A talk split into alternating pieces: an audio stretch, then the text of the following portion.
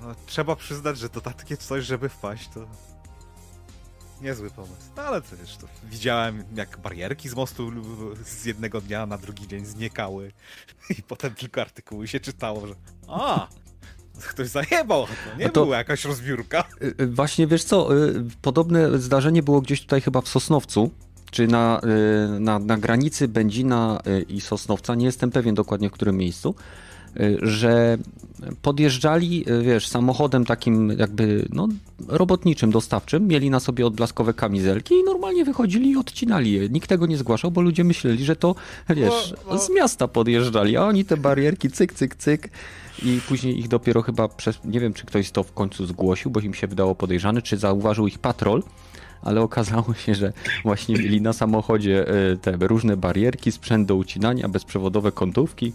Wiesz, Polska to... No. Ale Kaczyński mówił, żeby palić wszystkim, by, byle nie ten, byle no, nie oponami. czytałem o tym, a come on, to się nazywa e, ekogroszek e, gumowy. I co? A to tak jak się pali drewnem laminowanym, tak? Z tych, z okien takich drewnianych porozwalonych, nie? Z drewno z laminatem. Dla zwiększonej kaloryczności. No, no, no. no dętki od opon wiem, że są bardzo wysokokaloryczne. No. Badyl jak słucha, to w Krakowie może se popali. Oni tam nawet nie zauważą, że coś się zmieniło. Dokładnie, nie zauważą. E, Okej, okay. E, zaczynamy. Witamy was, witamy was na żywo. Witamy was na żywo, tak? Powtórzę to jeszcze raz. Witamy was na żywo w 198 epizodzie Dropin Podcastu. Cieszę się, że z nami jesteście właśnie tutaj, że przetrwaliście te nagrywane wcześniej offline'owo e, epizody. No niestety za jakiś czas znowu one wrócą, ponieważ no taki mamy teraz cykl. E, witam tych, którzy są z nami na żywo, tych, którzy słuchają nas na platformach podcastowych, czyli Patronite Audio, Spotify czy Castbox. Do Spotify znajdziecie link bezpośrednio tutaj w opisie, więc możecie tam sobie wskoczyć, e, dodać do obserwowanych czy do followersów. E, Badl się bardzo cieszy z tego, bo sobie tam sprawdza te statystyki. Może jeśli mu żona pozwoli, to powiedział, że dzisiaj później wpadnie na chwileczkę. Zobaczymy, trzymamy kciuki. A poza tym witam Gragiego, Piechu, Rogatego. Fajnie, że wpadliście. Cześć. Cześć. Cześć. Hej, hej, hej. No, więc e, pamiętajcie, jeżeli nasz podcast, podcast Wam się podoba, tutaj mamy bardzo miłe słowa na, e, na, na czacie. Zaznaczam, że to nie są opłaceni ludzie, więc e, tym, tym bardziej miło. No chyba, że Badyl kogoś opłacił, no ale Trudno by tutaj powiedzieć. W każdym razie mamy kilka fajnych tematów. Zajrzyjcie w opis tego materiału, tam jest kilka fajnych linków, włącznie z linkami do zaprzyjaźnionego podcastu giereczkowego.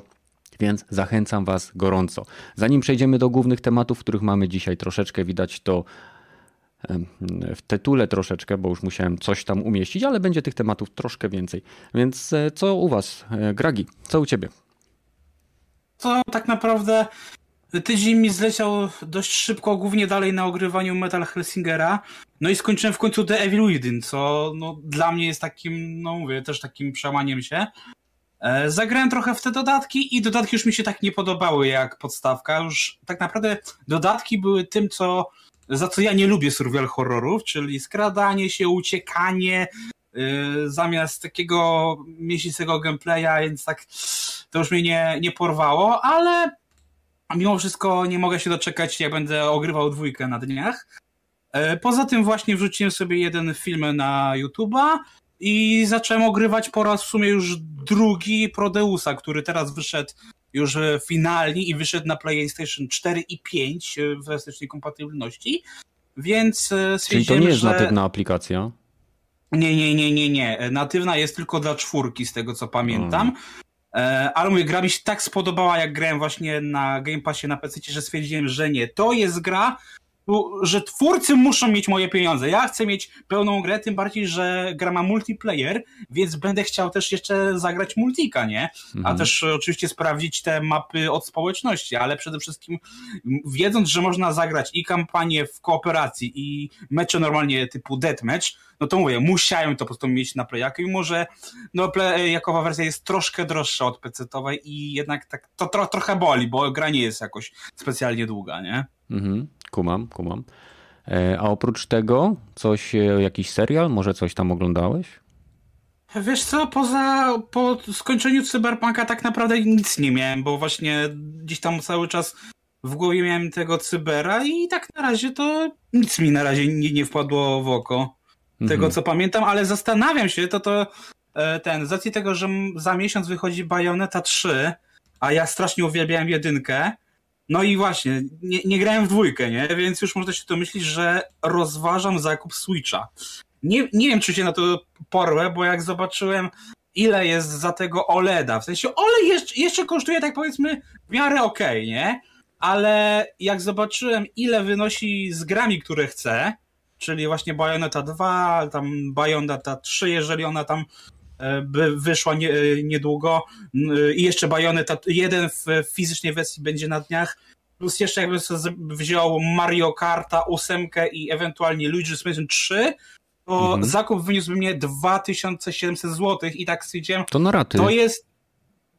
Znaczy, co, to nie, nie, to nie chodzi na raty, wiesz. To dla mnie nie jest problem wyłożyć te pieniądze, tylko wiesz, mam tę świadomość, że po skończeniu Bayonety 3 Twitch u mnie będzie leżał i się kurzył, więc e, Nieprawda. To, to będzie. Nieprawda. Twój Switch będzie leżał i zyskiwał na wartości, ponieważ ani Switch, ani gry na Switcha nie, nie spadają z ceny. No tak, dlatego wiesz, właśnie e, mam po prostu tę świadomość, że trochę to będzie wywalenie kasy w błoto. Ale z drugiej strony, tak jak mówisz, będę mógł, że tak powiem, sprzedać e, zestaw za mniej więcej za tyle, ile kupiłem, więc Ewentualnie, No ty- jeżeli, jeżeli uważasz, że to jest wywalenie pieniędzy w błoto, to ja, żeby zmniejszyć ten cios, y, tą, tą stratę finansową, to jak już ograsz wszystko, to za pół ceny mogę ten zestaw odkupić. No, ale, ale wiesz, chodzi o to, że po prostu e, nie, Nie no, nie rozumiem, jestem... ja Ja ja jedną robię. trzecią przygarnę. A, ale wiesz co, ja, ja, Ja mi za trzy czwarte. To wezmę od ciebie. Ja za trzy czwarte. Ale wiesz co, i tak sobie tak do- doszedłem do wniosku właśnie pisząc na naszym Discordzie e, w sekcji w co gramy, Mhm. że tak właściwie kupując Switcha dla dwóch, trzech gier, to bardziej mi się opłaca niż kupienie Steam Decka dla jednej gry. Ale Bo na Steam Decku kup- możesz rzucić emulator. Tak, ale wiesz, y, to też prawda, nie? Ale Steam Decka bym kupił tylko po to, żeby przejść przenośnie Spidermana, którego mam w edycji kompletnej na PlayStation 5. Więc Mhm. jest takie, wiesz, że tu dla tych dwóch, trzech gier bardziej to mi się opyla i wiesz, jeżeli wejdą jakieś tam indyki typu Prodeus, Nie, sorry, bo sorry, ale, sorry, ale twoja analogia nie ma sensu, bo to, to zrówna się z tym, że hej, kupiłem sobie rower i będę mógł tylko jeździć na jednej drodze jak ją, tą drogę przejadę, to już mogę sprzedać ten rower? ta, No trochę okej. tak to brzmi. Ok- Okej, no chyba, dobra, że to... ktoś mi pożyczy na tydzień lub dwa Switcha z z Bayonetą 3, ale wątpię, żeby ktoś był taki Ale możesz jeździć też innymi tymi dro drogami na tym rowerze, o to mi chodzi. No, ja wiem, właśnie. ale dlatego mówię, dlatego ja bym Switcha poświęcił dla grania Windyki, nie? Czyli Prodeus na przykład, bo też ma wyjść jeszcze w tym roku na Switcha, więc to już miałbym, wiesz, y, y, Prodeusa na trzech platformach, nie? Mm, to dopiero wsparcie, y, No. żeby tą grę, wiesz, twórcy to powinni ci ten y, medal z ziemniaka dać. No, dlatego mówię, z- zobaczymy, czy, czy się porwę, ale nie zdziwcie się, jak za jakiś czas będę gadał o, o Switchu, nie? No to powiem ci bardzo. Myślę, że mamy kilku kilka osób na naszym Discordzie, gdzie spokojnie z nimi wymienisz się nie tylko później grami, ale i e, wrażeniami. Dobra, rogaty, to przeskakujemy do ciebie. Co tam? A, PC Master Race. E, Oczywiście. W sumie to nic, nic, nic, nic e, specjalnego się nie działo u mnie. To znaczy, pograłem sobie troszeczkę e, w jedną dziwną grę, bo słyszałem, że już wyszła ten, żebym się nie pomylił, Gundam Evolution, czyli wielkie roboty ze świata Wow. Gundama.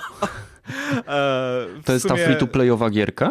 Tak, tak, chyba w czwartek wyszło, czy jakoś To tak. jest z pierwszej osoby chyba, nie? Tak, e, gra się w tymi Gandanami, które mają swoj, swoją jakąś specyfikację i e, specjala, nie? Jedne Mhm. są na daleki dystans, karabiny. Hero shooter z mechami. Do, dokładnie, dokładnie. I nie znam się na Gundamach, sorry, ale nie podobają mi się nawet za specjalnie większość tych robotów, ale o dziwo gra się to naprawdę fajnie. To, O. się, to się zdziwiłem, bo e, jest trochę tak jakby pływają te postacie, no ale to są jump jetsy, więc to spina się tak jakby ze światem, że one tak albo potrafią Taką się masę toczyć, mają. Tak, mają trochę taką masę, ale jednak y, zachowują się jakby tutaj niższa grawitacja była albo coś w tym stylu, nie? Że nie czuć do końca, że to jest y, tak wielkie, jak, jakbyś był takim wielkim 40-metrowym robotem, ale i tak to raczej nie, nie wpływa specjalnie na, na rozgrywkę, która jest w sumie połączeniem czegoś pomiędzy CS-em a Team Fortress 2. I Valorantem. I Valorantem, dokładnie, i, i Overwatchem. Takie pomieszanie, tylko że z tym IP. Mhm, mhm. Jak pograłem niedużo, bo może ze trzy mecze, ale jak na taką giereczkę to nawet można spróbować. Za darmo jest na Steamie i chyba innych platformach. Na wszystkich jest za darmo. Hmm. Wiem, bo na, y, widziałem tą gierkę też na, w sklepie PlayStation, ale nie ściągałem ze względu na to, że y, wizualnie mechy mi się nie podają, bo to jest anime y, z lat chyba 80. Ale wiesz, ile nawet tych wcześniej? Gundamów jest? Wiem, bo to anime- za 30 lat historii. To tak jakbyś chciał wymienić wszystkie postacie z Dragon Balla. No sorry, no ale No, no, muszą no, no wymyślać nowe, jeśli chcą trzepać hajs. No, więc, ale różne style też się pojawiały z tego, ten, ten wiesz co, o, o ile same anime jakoś mi nie podchodzi, Destiny mi nie podchodzi, to ten e, Gunpla, czyli zmontowywanie tych e, wszystkich Gundamów z, z plastikowych e, części, które są, do, tylko musisz dopracować, nie trzeba nic malować i już masz poruszającego się robota, jest zajebiste, strasznie A to tam sobie składasz streamy tego robota? no, można sobie poskładać. Kupujesz. U, w. Japonii to jest bardzo popularne jako hobby, takie zamiast malowania figurek DN. No są takie gotowe faktycznie na oni, kliki takie. No, no, no, to oni sobie takie gandamy wycinają, polerują, potem składają, sklejają to wszystko, ale nie trzeba malować specjalnie, żeby to wyglądało już naprawdę dobrze, bo tylko dekale e, na, naklejają, nie? Mhm. Świetnie to niektórzy e, potrafią zrobić. E, No. Co jeszcze? Czy, czy ja wygrałem jeszcze? Vampire Survivor, ale to mniejsza z tym. E, Quake Champions, to ale to też e, chciałem zobaczyć, czy jeszcze żyje. Oczy, oczywiście, że żyje, ale e, za ciężka jest ta gra, żeby ją znowu Za wysoki wracać. punkt wejścia, bo tam już grają tylko ci, którzy tylko w to grają. E, No, to znaczy, wiesz co, nadal mi się przyjemnie w to gra, ale jak kuźwa, każdy mecz kończysz na ostatnim miejscu, to tak trochę głupio jest, nie? Czy się wygra, czy się przegra, to i tak jestem na ostatnim miejscu. Odwróć tabelę rogaty na czele. Oho, no, Nie, no. nie, inaczej. Y, Masz monitor, który się obraca? Obróć do E, góry nie, nie, nogami nie, i obróć nie, sterowanie myszki góra-dół. Będziesz zawsze na pierwszym miejscu. No, come on. Nie no, jakbym się pewnie, jakbym postarał się, to pewnie bym, może nie był na ostatnim, może w środku by był stawki, ale to trzeba jednak, trzeba za dużo czasu na tą grę poświęcić. Trzeba wskoczyć w rytm, a to za Tak. dużo czasu może zająć. No, właśnie mówiąc o rytmie, to też Metal Helsingera grałem. Mhm. W sumie nadal mi się podoba ta gra głównie z, z powodu muzyki. Gameplay też potem troszeczkę jest zróżnic, bardziej zróżnicowany niż jak to, nie wiem, ty Gragi mówiłeś, ale nie jest jakoś bajecznie. Jeszcze nie skończyłem, więc nie będę mówił czy, czy, czy, czy warto, czy nie warto, ale na Game Passie jest za 4 zł, więc można spróbować. Mhm. Eee, coś jeszcze chyba chciałem pograć, ale nie zdążyłem. Prodeusa pewnie. A Prodeusa to ja już grałem, on w Accessie był chyba od ponad roku w tym. Ale to nie e, były No, wszystkie no, no. poziomy. To nie była cała Aha, gra no wiesz co, no. no Bo ja też grałem jeżeli- wtedy. Coś wtedy to pamiętam wtedy rozmawialiśmy o Prodeusie, że pod wrażeniem no. byliśmy tego, jak oldschoolowo i jednocześnie nowocześnie ta gra wygląda. No, no ale właśnie ostatni raz grałem może dwa miesiące temu i chyba. e, Nie wiem, czy- już były te wszystkie poziomy, czy nie były. O, tak ci powiem. Nie Może wiem. nie, jeszcze ich nie było, ale było ich dużo, bo niby tam 4 godziny na przejście, a już to tak chyba z 8 gram.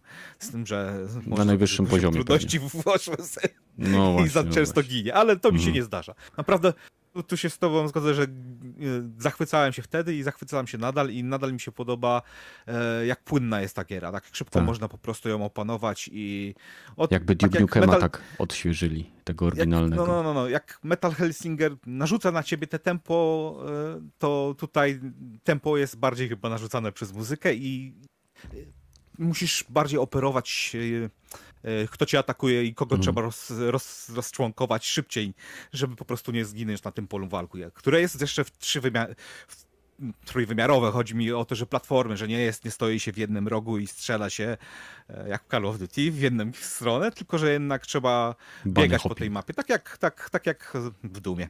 Mhm. E, I to chyba wszystko, nie? Co, co, co grałem. Pewnie Okej. jeszcze coś, coś grałem, coś oglądałem, ale Piechu? Hello, hello. Co tam u ciebie? Hello. A ja się w tym tygodniu zabrałem za drugą e, część Batmana Arkham City od Rocksteady. Mhm. E, Jakiś czas temu e, Arkham Asylum skończyłem i w Arkham City akurat mam, nie wiem, 4-5 godzin i trochę gorzej mi się gra niż w Arkham, Arkham Asylum. Z tego względu, że jednak City ma otwarty już trochę świat. Tego miasta jest więcej, bo w tamtej części była mała wysepka z tym o, z więzieniem. I, i tam jednak to, to liniowo, li, liniowa gra mi się bardziej podobała od Batmana. No, no. I, i, I tyle o Batmanie na, na razie mogę powiedzieć. I chciałem się, w, bo w środku tygodnia e, Sony rzucało nowe tytuły do PS Plusa Premium. I tam Sly Coopera mieli kolekcję całą wrzucić. Tak. Coś. No i, Mi myg- migło. i, i, i wyszło, bo nie ma. A No to ja nie, jest, y, to nie jest tak, że to jest jedna z tych gierek, która jest dostępna na niektórych rynkach? Nie wiem, e, było ogólnie, wchodziłem i na stronę e, PlayStation Polską i na różne fora. To miało być e, The Sly e, Collection, czyli to są trzy pierwsze części, które e, robiło chyba Sucker Punch? Jest, tylko jest mały haczyk. Jaki? Taki, że coś Sony zwaliło i żeby zobaczyć tego slaja, musisz przestawić globalny język na angielski. Ty wtedy dopiero zobaczysz, że na twoim koncie możesz zagrać właśnie w Sly Collection streamingu. Też to A no właśnie to Jak jest po polsku, tego nie zobaczysz tego. Nie byłem To- to pewien, czy to wiedzieć. były faktyczne informacje, bo mi się to wydało dziwne i śmieszne, że musisz przestawić język konsoli na, yy, na angielski. Czy z PlayStation wszystko jest możliwe ostatnimi czasy. Co prawda. No, bardziej to niemożliwe, bardziej niemożliwe niż możliwe. Dokładnie. Jak y, nie mogłem się właśnie za tą kolekcję dobrać, bo nie wiedziałem czemu, to się zabrałem za Sly Cooper Złodzieje w czasie. Mhm. To jest czwarta część, tylko już nie, nie tworzona przez Sucker Punch, tylko przez inne studio, które portowało trzy pierwsze części na PlayStation 3. I ogólnie gra i cofamy się w czasie i musimy zmienić y, przeszłość. Y, bo y, ród Coopera tam w, w książce zaczą, zaczynają znikać e, wyczyny jego przodków i, właśnie cofamy się w czasie, żeby się dowiedzieć, co, co tam się stało, dlaczego, dlaczego te wszystkie wyczyny jego przodków znikają z tej, z tej księgi. Mhm. I pi- pierwsza, y, pierwsza plansza to jest y, w Japonii, chyba w 1300 roku, jakoś tak. I, I tam plansza jest podzielona na ileś, ileś misji. Za każdym razem y, jest co innego do zrobienia. A to musimy zbadać teren, porobić jakieś zdjęcia, y, porobić zdjęcia strażników, załatwić jakiś strój, żeby gdzieś się dostać. Y, Na razie się świetnie bawię w tej, w tej y, grze i z chęcią bym zobaczył kontynuację, bo parę dni temu nawet ogólnie marka Sly Cooper obchodziła dwudziestolecie. No cóż, zobaczymy. Ale z tego co wiem, to Sucker Punch nawet jakiś czas temu ogłosiło, że nie planują niestety. Może jakieś inne studio by się wzięło za to. No, a z takich niegrowych rzeczy to dalej nadrabiam e, filmy Marvela. Wczoraj obejrzałem e, Shang-Chi. O, jak ci się podobała walka w autobusie? Ogólnie w tych wszystkich Marveli to, to ten Shang-Chi mi się najmniej podobał. No jako całość to była taki film przerwa, więc yy, wiesz, on miał No, dobre, dobre miał momenty, a nie był cały dobry. No, Przynajmniej tak dla mnie. No. I Okej. to by było na tyle. No dobrze, no to y, ja wróciłem do domu 15 czy 16 raczej, więc jestem tutaj y, już y, troszkę. W tym czasie zacząłem oglądać Pierścienie Władzy. Jestem na trzecim chyba epizodzie, nie wiem, bo są długie, godzinne, więc y, to, to, to jakby wepchnąć je w dzień jest y, nie tak łatwo. I muszę powiedzieć, że bawię się dobrze oglądając to. Czy mi się tam coś lepi, czy nie lepi? Tak jak Rogaty powiedział wcześniej, no trzeba być chyba fanem Tolkienowskiego świata, żeby się czepiać. A czytając te wszystkie informacje o, o tych, nie wiem, ciemnoskórych elfach, ciemnoskórych hardfootach, e, czy ogólnie o tej różnorodności, która tam została niby wepchnięta, to ja miałem wrażenie, że to będzie taka sytuacja jak z lasem bruklińskim, brukilońskim, czy jak to tam w Wiedźminie było, gdzie mieliśmy afroamerykańskie driady w lesie, a tutaj dosłownie jest na chwilę obecną kilka, sztukowo kilka postaci różnej etniczności i ktoś robił, miałem wrażenie, że robił, no teraz, jak to na tym etapie jestem, mam wrażenie, że robi z tego taką aferę, jakby y, zamienili, nie wiem, y, tak, Peter, jesteśmy na Spotify, odpowiadając na Twoje pytanie. Link masz y, w opisie tam poniżej, bezpośrednio do Open Spotify. Więc zrobili taką aferę, jakby po prostu, nie wiem, zmienili kolor, y, nie wiem, małej syrenki. Gdzie jest jedna główna bohaterka i zupełnie ją zmieniają, nie? I komuś to nie pasuje. A tutaj, nie wiem, Roga, ty jesteś już dalej? Coś tam więcej się dzieje? Nie, no zarzuciłem raczej po tych dwóch epizodach pierwszych moją chęć oglądania, bo wiem jak się będzie działo mniej więcej dalej po właśnie komentarzach ludzi, którzy się tym najmiętniej interesują i nie jest za dobrze, jeżeli chcesz w ogóle oglądać jakieś dobre fantazy, to to jest po prostu przeciętnizna, przeciętny reżyseria, przeciętna gra aktorska. Ładnie wygląda i to można by na tyle po powiedzieć. Mi się to przyjemnie ogląda, po prostu. Tak, to jest taki zbyteczny, taka e, jakby żarcie e, jak to Amerykanie fajnie nazywają, junk food. Takie żarcie, takie chipsy, takie, no, ale popcornowe jest... baziaw po prostu. Okej. Okay. Tak, to smakuje zajebiście, no ale właśnie. potem... Ale to, no, nic, to, to, nie musi być pożywne. Można to, to masz się dobrze nie? bawić e, oglądając i no, ja... E, zgodziłbym się z tobą, gdyby to nie był Lord of the Ring, najważniejsza seria fantazy, która stworzyła praktycznie cały gatunek. E, mhm. Jakby to była jakaś, cokolwiek inaczej nazwane, no, oryginalne sobie wymyślcie, albo napiszcie najpierw książkę własną i powiedzcie, że to jest tylko jakby spin-off Lord of the Rings i to nie ma nic za bardzo z tym wspólnego i i nie powinniście się czepiać, bo jeżeli się czepiacie, to jesteście rasistami. to, to, to, nie, jest nie, też to, mojej, to, jest ekstremum e, w mojej opinii, zarówno czepianie się czegokolwiek tam, bo doczytałem się, że na przykład była opisana w, e, przez Tolkiena rasa hardfootów i było napisane, że są darker of skin, czyli mają ciemniejszą skórę.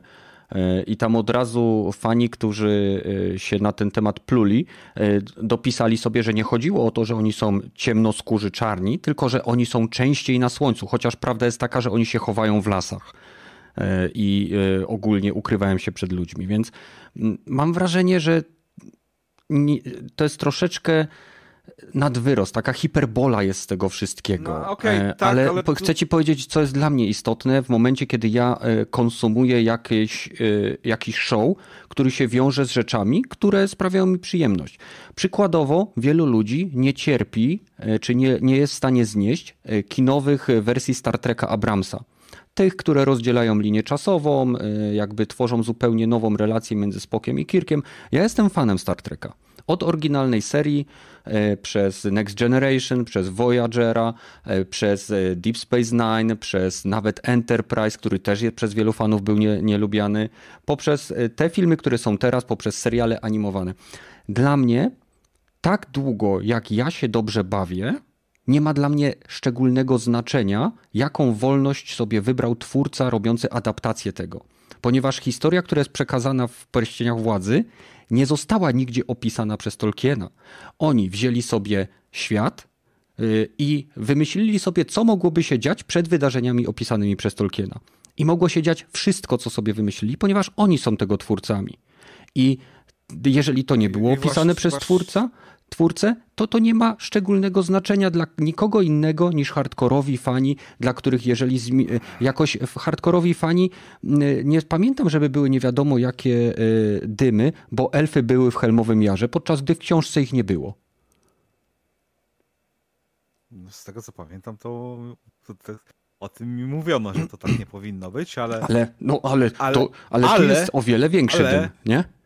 Ale to była o wiele mniejsza różnica, bo to była adaptacja właściwie kilkunastu scen pomiędzy książki do, do filmu, bo żeby plot filmów miał sens taki i nie trwały po 6 godzin te filmy. No a tutaj jest, mamy serial ilu? Sześciu, ośmiodcinkowy i pierwsze dwa e, odcinki to jest jak kuźwa coś, co powinni za samym, nie wiem, openingu moim zdaniem załatwić, a tutaj jest tak to rozwleczone, tak to słabo wykonane.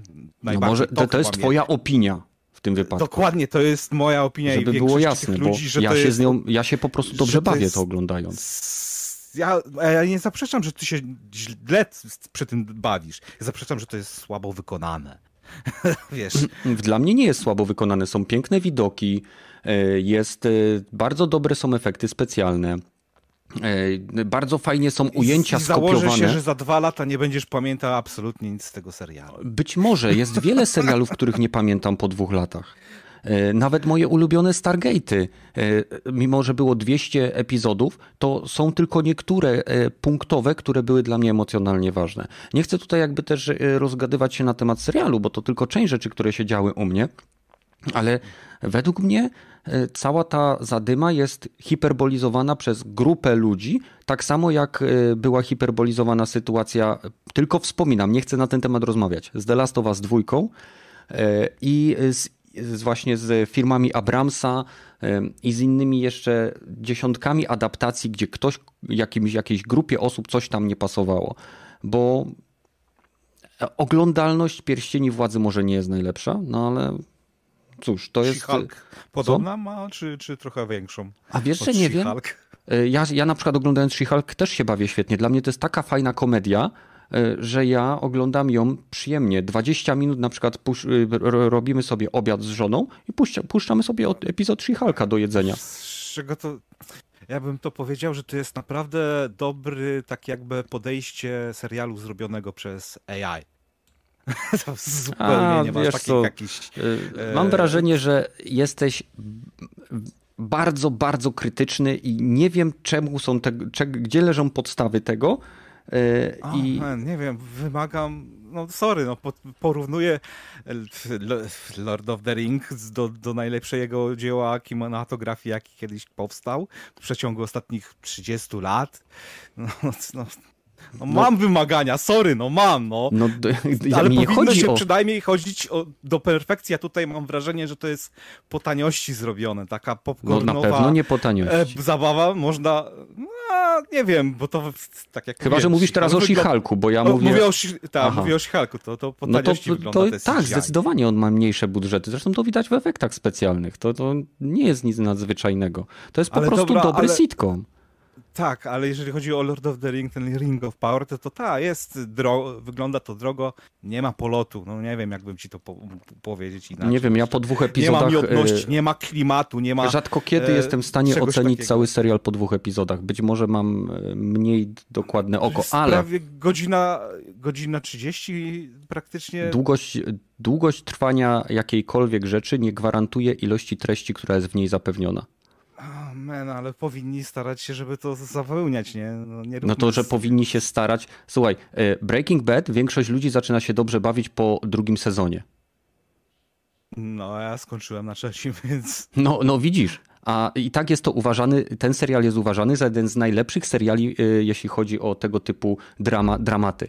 Dostał dziesiątki nagród i tobie się nie podoba, a jednak e, społeczność go docenia. To jest serial kultowy ale pamiętasz jeszcze może e, Ucieczka z więzienia, ten wspaniały serial, co za Prison Break? Tak, Prison Break. Wszystkim Od samego początku był dla pierwszej... mnie ale to jest co innego, okay, jak się dobra. wszystkim podoba, a co innego, jak jest doceniony też Dusze. przez krytyków. Nie? Przez krytyków chyba też Mi nie chodzi o to, że, że jakby pierścienie władzy mają się podobać wszystkim. Tylko chodzi mi o to, że ja odczuwam, że cały szum wokół pierścieni władzy jest bardziej hiperbolą niż faktycznym problemem tego serialu. Ponieważ y, ja, moja żona oglądamy to i nie jest to sytuacja, że o mój Boże, co tu się dzieje, niesamowite, y, nie, zmieniło to moje spojrzenie na świat. Nie, to jest po prostu kolejna historia fantazy i to, jak ona się rozwinie, to mi się na przykład bardzo podobała wizyta w y, Casa Doom gdzie były dosłownie ujęcia z oryginalnej trylogii y, Tolkiena, Boże, Tolkiena, jak się nazywał ten gość, co to Jacksona? robił? Jacksona, tak, przepraszam.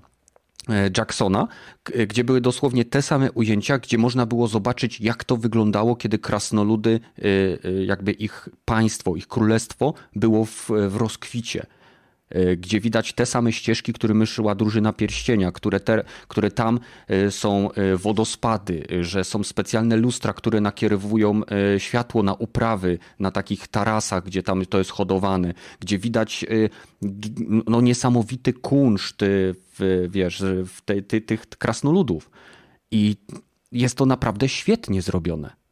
E, więc e, zresztą tak jak tutaj Okal pisze, część seriali jest teraz pisana pod usługi streamingowe i niektóre z nich, e, tak samo jak niektóre gry, które trafiają do Game Passa, będą miały niższą jakość, ponieważ są zapychaczem. Amazon ma tendencję do przeinwestowywania swoich projektów i tak było w przypadku Amazon Games, tak było w przypadku wielu innych rzeczy, którymi Twitcha. się podejmowali. Słucham? No zgadza się, bo Twitcha też przeinwestowali. No, no widzisz, więc oni mają pieniędzy to... jak lodu. On, te, ich właściciel tej firmy lata w kosmos dla zabawy w weekendy z nudów, więc...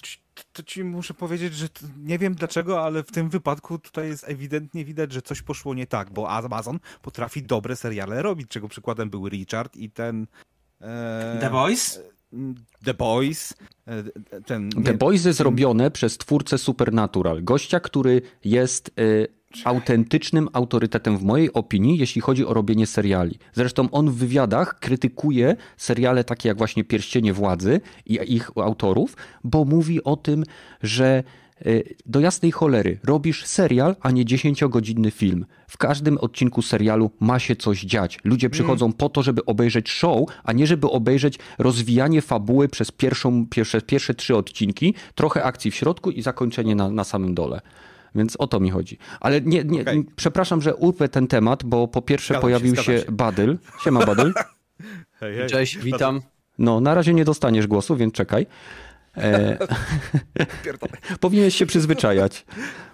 E... Tak, prawda. No, więc drugą rzeczą, którą robiłem e, w minionym e, tygodniu, a raczej w minionych dniach, chociaż to w zasadzie mamy niedzielę, a wróciłem w piątek, więc to jest już ponad tydzień, grałem w Monkey Island. Return to Monkey Island, e, kupione na Steamie. E, jednocześnie jest to pierwsza gra na Steamie, którą zrecenzowałem. W sensie napisałem swoją opinię na ten temat, więc nie musicie dziękować, tak? I bawiłem się dobrze. Do stylu graficznego można się szybko przyzwyczaić. Natomiast o ile sama przygoda, zagadki i humor uważam za troszeczkę niższy poziom niż to miało miejsce w oryginalnych sekretach Małpiej Wyspy i zdecydowanie słabszy niż w grze Monkey Island od Telltale Games, co było dla mnie zaskoczeniem, to byłem niezadowolony z zakończenia. Więc o. tak to mniej więcej u mnie wyglądało. Oprócz tego e, na urodziny od mojej małżonki dostałem mini konsolkę, która jest emulatorem ponad 50 chyba różnych systemów więc będę na pewno jakiś materiał o tym przygotowywał. A teraz witamy e, Badyla, pana Badyla. Panie Badylu, jest pan? Prosimy do Tak, witam. Witam serdecznie, jestem. Nie wiem, słyszysz mnie? Słychać cię, chociaż masz ikonkę tak. mute obok tego. Obok... Zażyłeś, nie? No, jakoś no. tak dziwnie. No dziwnie. To chyba żona ja... za mikrofonu. Ja, ja niby mogę mówić, a tak naprawdę nie mogę. No. Badyl zgliczował Discorda. Sorry, sorry, przepraszam. O czym Dobrze, tam mówiliście? No to u mnie nic więcej się nie działo. Badyl, a co u ciebie się działo? a, nic wielkiego w sumie, nie? Mam obrączkę na palcu i bardzo dziękuję wszystkim za życzenia z poprzedniego e, ty tygodnia, zarówno te, które były złożone gdzie? Na Discordzie, mhm. jeżeli na nie nie odpowiedziałem, ale te na YouTubie też, jeżeli na nie nie odpowiedziałem, a starałem się. E, także pięknie dziękuję. E, co? E, chyba w nic nie grałem. Takie, nie, grałem w te. Ale to później. Grałem w Call of Duty, e, w TBT. Mm, e, no i tak naprawdę nic się wielkiego poza tym nie działo. Kennedy, jak się bawiłeś na weselu? Dobrze? Bardzo dobrze. Zapewne nie widziałeś, jak robiłem zdjęcia, bo jestem jak ninja, a tak naprawdę za każdym razem, kiedy wchodziłeś, widziałeś, jak jadłem. Więc tak, myślę, tak, że to tak. jest to jest bardzo dobry wyznacznik tego, jak dobrze pracowałem. Musiałem ciągle paliwo dostarczać, bo po prostu aparat mi się w rękach palił. Czyli no prawda. dobrze pamiętasz jego wesele. Czyli nie, nie, nie urwał wam się film w pewnym momencie. No Kennethowi nie mógł się urwać. Ja mam cyfrowy aparat, to mi się nie może urwać film. Poza tym robiłem tam zdjęcia, a nie imprezowałem. Część Niestety. osób miała tutaj e, błędną, e, błędne wyobrażenie na temat tego, kto z kim brał tutaj ślub i kto, kto się bawił. Nie, nie, ja Kennethowi musiałem zapłacić, żeby on się tam pojawił. Więc to tak wyglądało. No, nie uwierzycie, ale jak są winietki na stołach, to miałem napisane Kenneth YouTuber. No, A, a wiecie, co było najzabawniejsze z tego wszystkiego? E, Badel wkręcił swoim rodzicom, że e, będzie znany YouTuber. E, I, ja później wychodzę do toalety i mija mnie mama Badyla, którą bardzo serdecznie pozdrawiam, która e, przedstawia mnie jakimś gościom na weselu, a to jest Kenneth, znany YouTuber. Ja Tak myślałem, ja, ja na początku chciałem powiedzieć nie, już, już zacząłem mówić nie, ale stwierdziłem nie, okej, nie powiem tego, dziękuję uprzejmie, bardzo mi miło i poszedłem dalej. no i Nikt nie prosił o zdjęcie? Nikt nie prosił o zdjęcie, znaczy wszyscy mnie prosili o zdjęcie, ciągle robiłem zdjęcie. Ale z tobą. Nie, no, ale... było zaje fajnie, było super, e, wszyscy się bawili świetnie, muzyka była super, e, więc e, naprawdę było bardzo miło, aż przykro było opuszczać e, imprezę, bo następnego dnia mieliśmy kolejne wesele, gdzie musieliśmy wrócić do domu, później jechać, e, wiecie, wyspać się, zgrać materiał, naładować wszystko, następnego dnia do Gliwic z kolei, e, więc e, no, ale było super. Ale- Dziękuję, że ale mogłem bardzo- też tam być. E, To ja dziękuję, tak naprawdę, bo e, jeżeli ktoś jeszcze nie wie, no to e, tak naprawdę Kenneth, w zasadzie małżonka Kenneta w- wspólnie z nim zajmują się robieniem zdjęć i wychodzi im to przegenialnie tak naprawdę, więc jeżeli ktoś by szukał no, fotografów, no to tutaj wydaje mi się, że z czystym sercem mogę, mogę polecić, bo nie dość, że atmosfera była zajebista, no to zdjęcia, no moja Karo jest zachwycona tak naprawdę efektem końcowym. Nie dostała wszystkich zdjęć i już po prostu Na razie pod zajawka. sobą. Na razie zajawka i, i zajawka zadziałała, bo jest zachwycona. Mhm. Ja Szkoda tylko chciałem, że Chciałem No. zaznaczyć, że nie, nie jestem obecny na wszystkich weselach, tylko y, na y, tych takich, wiecie, super najważniejszych. Wiesz, żeby youtuber się pojawił, to trzeba dopłacić. Nie, no żartuję. Ale prawda jest taka, że nie na wszystkich y, z małżonką jeżdżę, no bo nie wszyscy biorą dwóch fotografów. A ja wziąłem dwóch? Tak? Ty jeszcze miałeś przedpandemiczną tą ofertę. A, okej, okej, dobrze się bawicie. No. E, No, także tyle u mnie z rzeczy ciekawych, żeby już tej prywaty nie ciągnąć, bo pewnie wszystkich To nic nie grałeś? Nie, grałeś, to Ej. zaraz będziemy o tym mówić. G- Chociaż mogę powiedzieć, że e, grałem jeszcze sprzed dwóch tygodni, mm, grałem w Immortals Phoenix Rising e, i dawno, dawno nie grałem w tak, e, wydaje mi się, przyjemną grę. To nie jest nic ambitnego, e, bo jest to tak naprawdę, e, kurczę, do czego by to można było porównać? Taka prosta w założeniach e, gierka, e, nie wiem, przygodowa, z elementami jakimiś RPG, e, z masą humoru. Opowiadał już oczywi- oczywiście o tej gierce Łukasz i ja tutaj do wszystkiego, pod wszystkim się mm, podpisuję, co, co on wtedy mówił, ale jestem oczarowany, bo dawno nie spotkałem tak prostej w swoich założeniach gry, a tak cholernie wciągającej, tak z taką fajną fabułą, oprawą mm, audio, bo, bo muzyka też jest fajna i cały pomysł na mm, tak naprawdę tę grę e, też jest dość ciekawy, bo to jest opowieść, która jest przedstawiana przez Prometeusza Zeusowi e, i na to, co się pojawia na ekranie w niektórych momentach, ma wpływ to, jak e, Prometeusz z Zeusem ze sobą rozmawiają. Czyli Prometeusz mówi, że nagle nasz bohater na swojej drodze spotyka wielkiego e, na tam 20 stóp e, olbrzyma, który ma jedno oko i wielką maczugę w swojej ręce, a Zeus mówi, e, nie, może on by był ta, tam nie wiem, jeszcze 20 razy większy i ten olbrzym się powiększa, a nagle Prometeusz mówi, nie, dobra, to już nie utrudniajmy, niech on będzie tam, nie wiem, dwa razy większy od naszego Będzie bohatera. kurczakiem. Tak, i będzie kurczakiem. Także przezajebisty pomysł, bo aż chce się tego słuchać, a jednocześnie ma to dużo takich elementów znanych z gier od Ubisoftu, e, czyli jakieś eksplorowanie mapy, otwieranie skrzyń, e, jakieś zagad proste zagadki logiczne e, i tak dalej, i tak dalej. Także póki co jestem zadowolony. Gameplay jest prosty, ale jednocześnie historia wciąga, więc. I zagadki są wszystko- świetnie rozwiązane. Zagadki są świetnie rozwiązane. Jak rozwiązane? W sensie zrealizowane, że są przyjemne w Aha, rozwiązywaniu. rozwiązane. Tak, bo zagadki się rozwiązuje. Ja uznałem, jak są świetnie rozwiązane. Skąd ty wiesz, że ja tak świetnie te zagadki rozwiązuję? A, to tak, zagadki Mhm. są spoko. Mm, e, kropka, kropka. A, i wywaliłem, to nie wiem, czy to ważne, wypierdoliłem z dysku Returnala. Nie mogłem, nie mogłem z tą grą. Przerosła mnie całkowicie, uznałem, że nie będę się bawił w żadne Yes! udowadnianie sobie. To znaczy, Czyli ty nie, przeszedłeś płytę Sekiro, jeszcze mam. Y, Ja nie przeszedłem Jest Sekiro. jeden jeden. Y, Ja nie przeszedłem, ja przeszedłem Returnala z 6 razy albo 5. Ty ani razu. Od, od, od początku do końca? Tak. Kurwa. Nie wiem, No nie bo potrafię. wszystkie, chciałem zakończenia później wszystkie porobić, nie? Tam- nie, nie się- wierzę w to. Nie wierzę w to. Coś, coś muszę robić nie tak. Nie wiem, nie ulepszam czegoś. Coś, coś na pewno jest tak. Wiesz co, kiedyś może jak w Krakowie Kiedyś, się tak. spotkamy na piwku, to ci pokażę To mi jak to się powiesz. robi. To jest, No, będzie bardzo- ze dwie godzinki i grę, gra jest skończona, wiesz? jest, nie, nie potrafię tego objąć moją głową. Naprawdę, nie potrafię. A ja. Dlatego potrzebuję... e, A to Teach chłopie.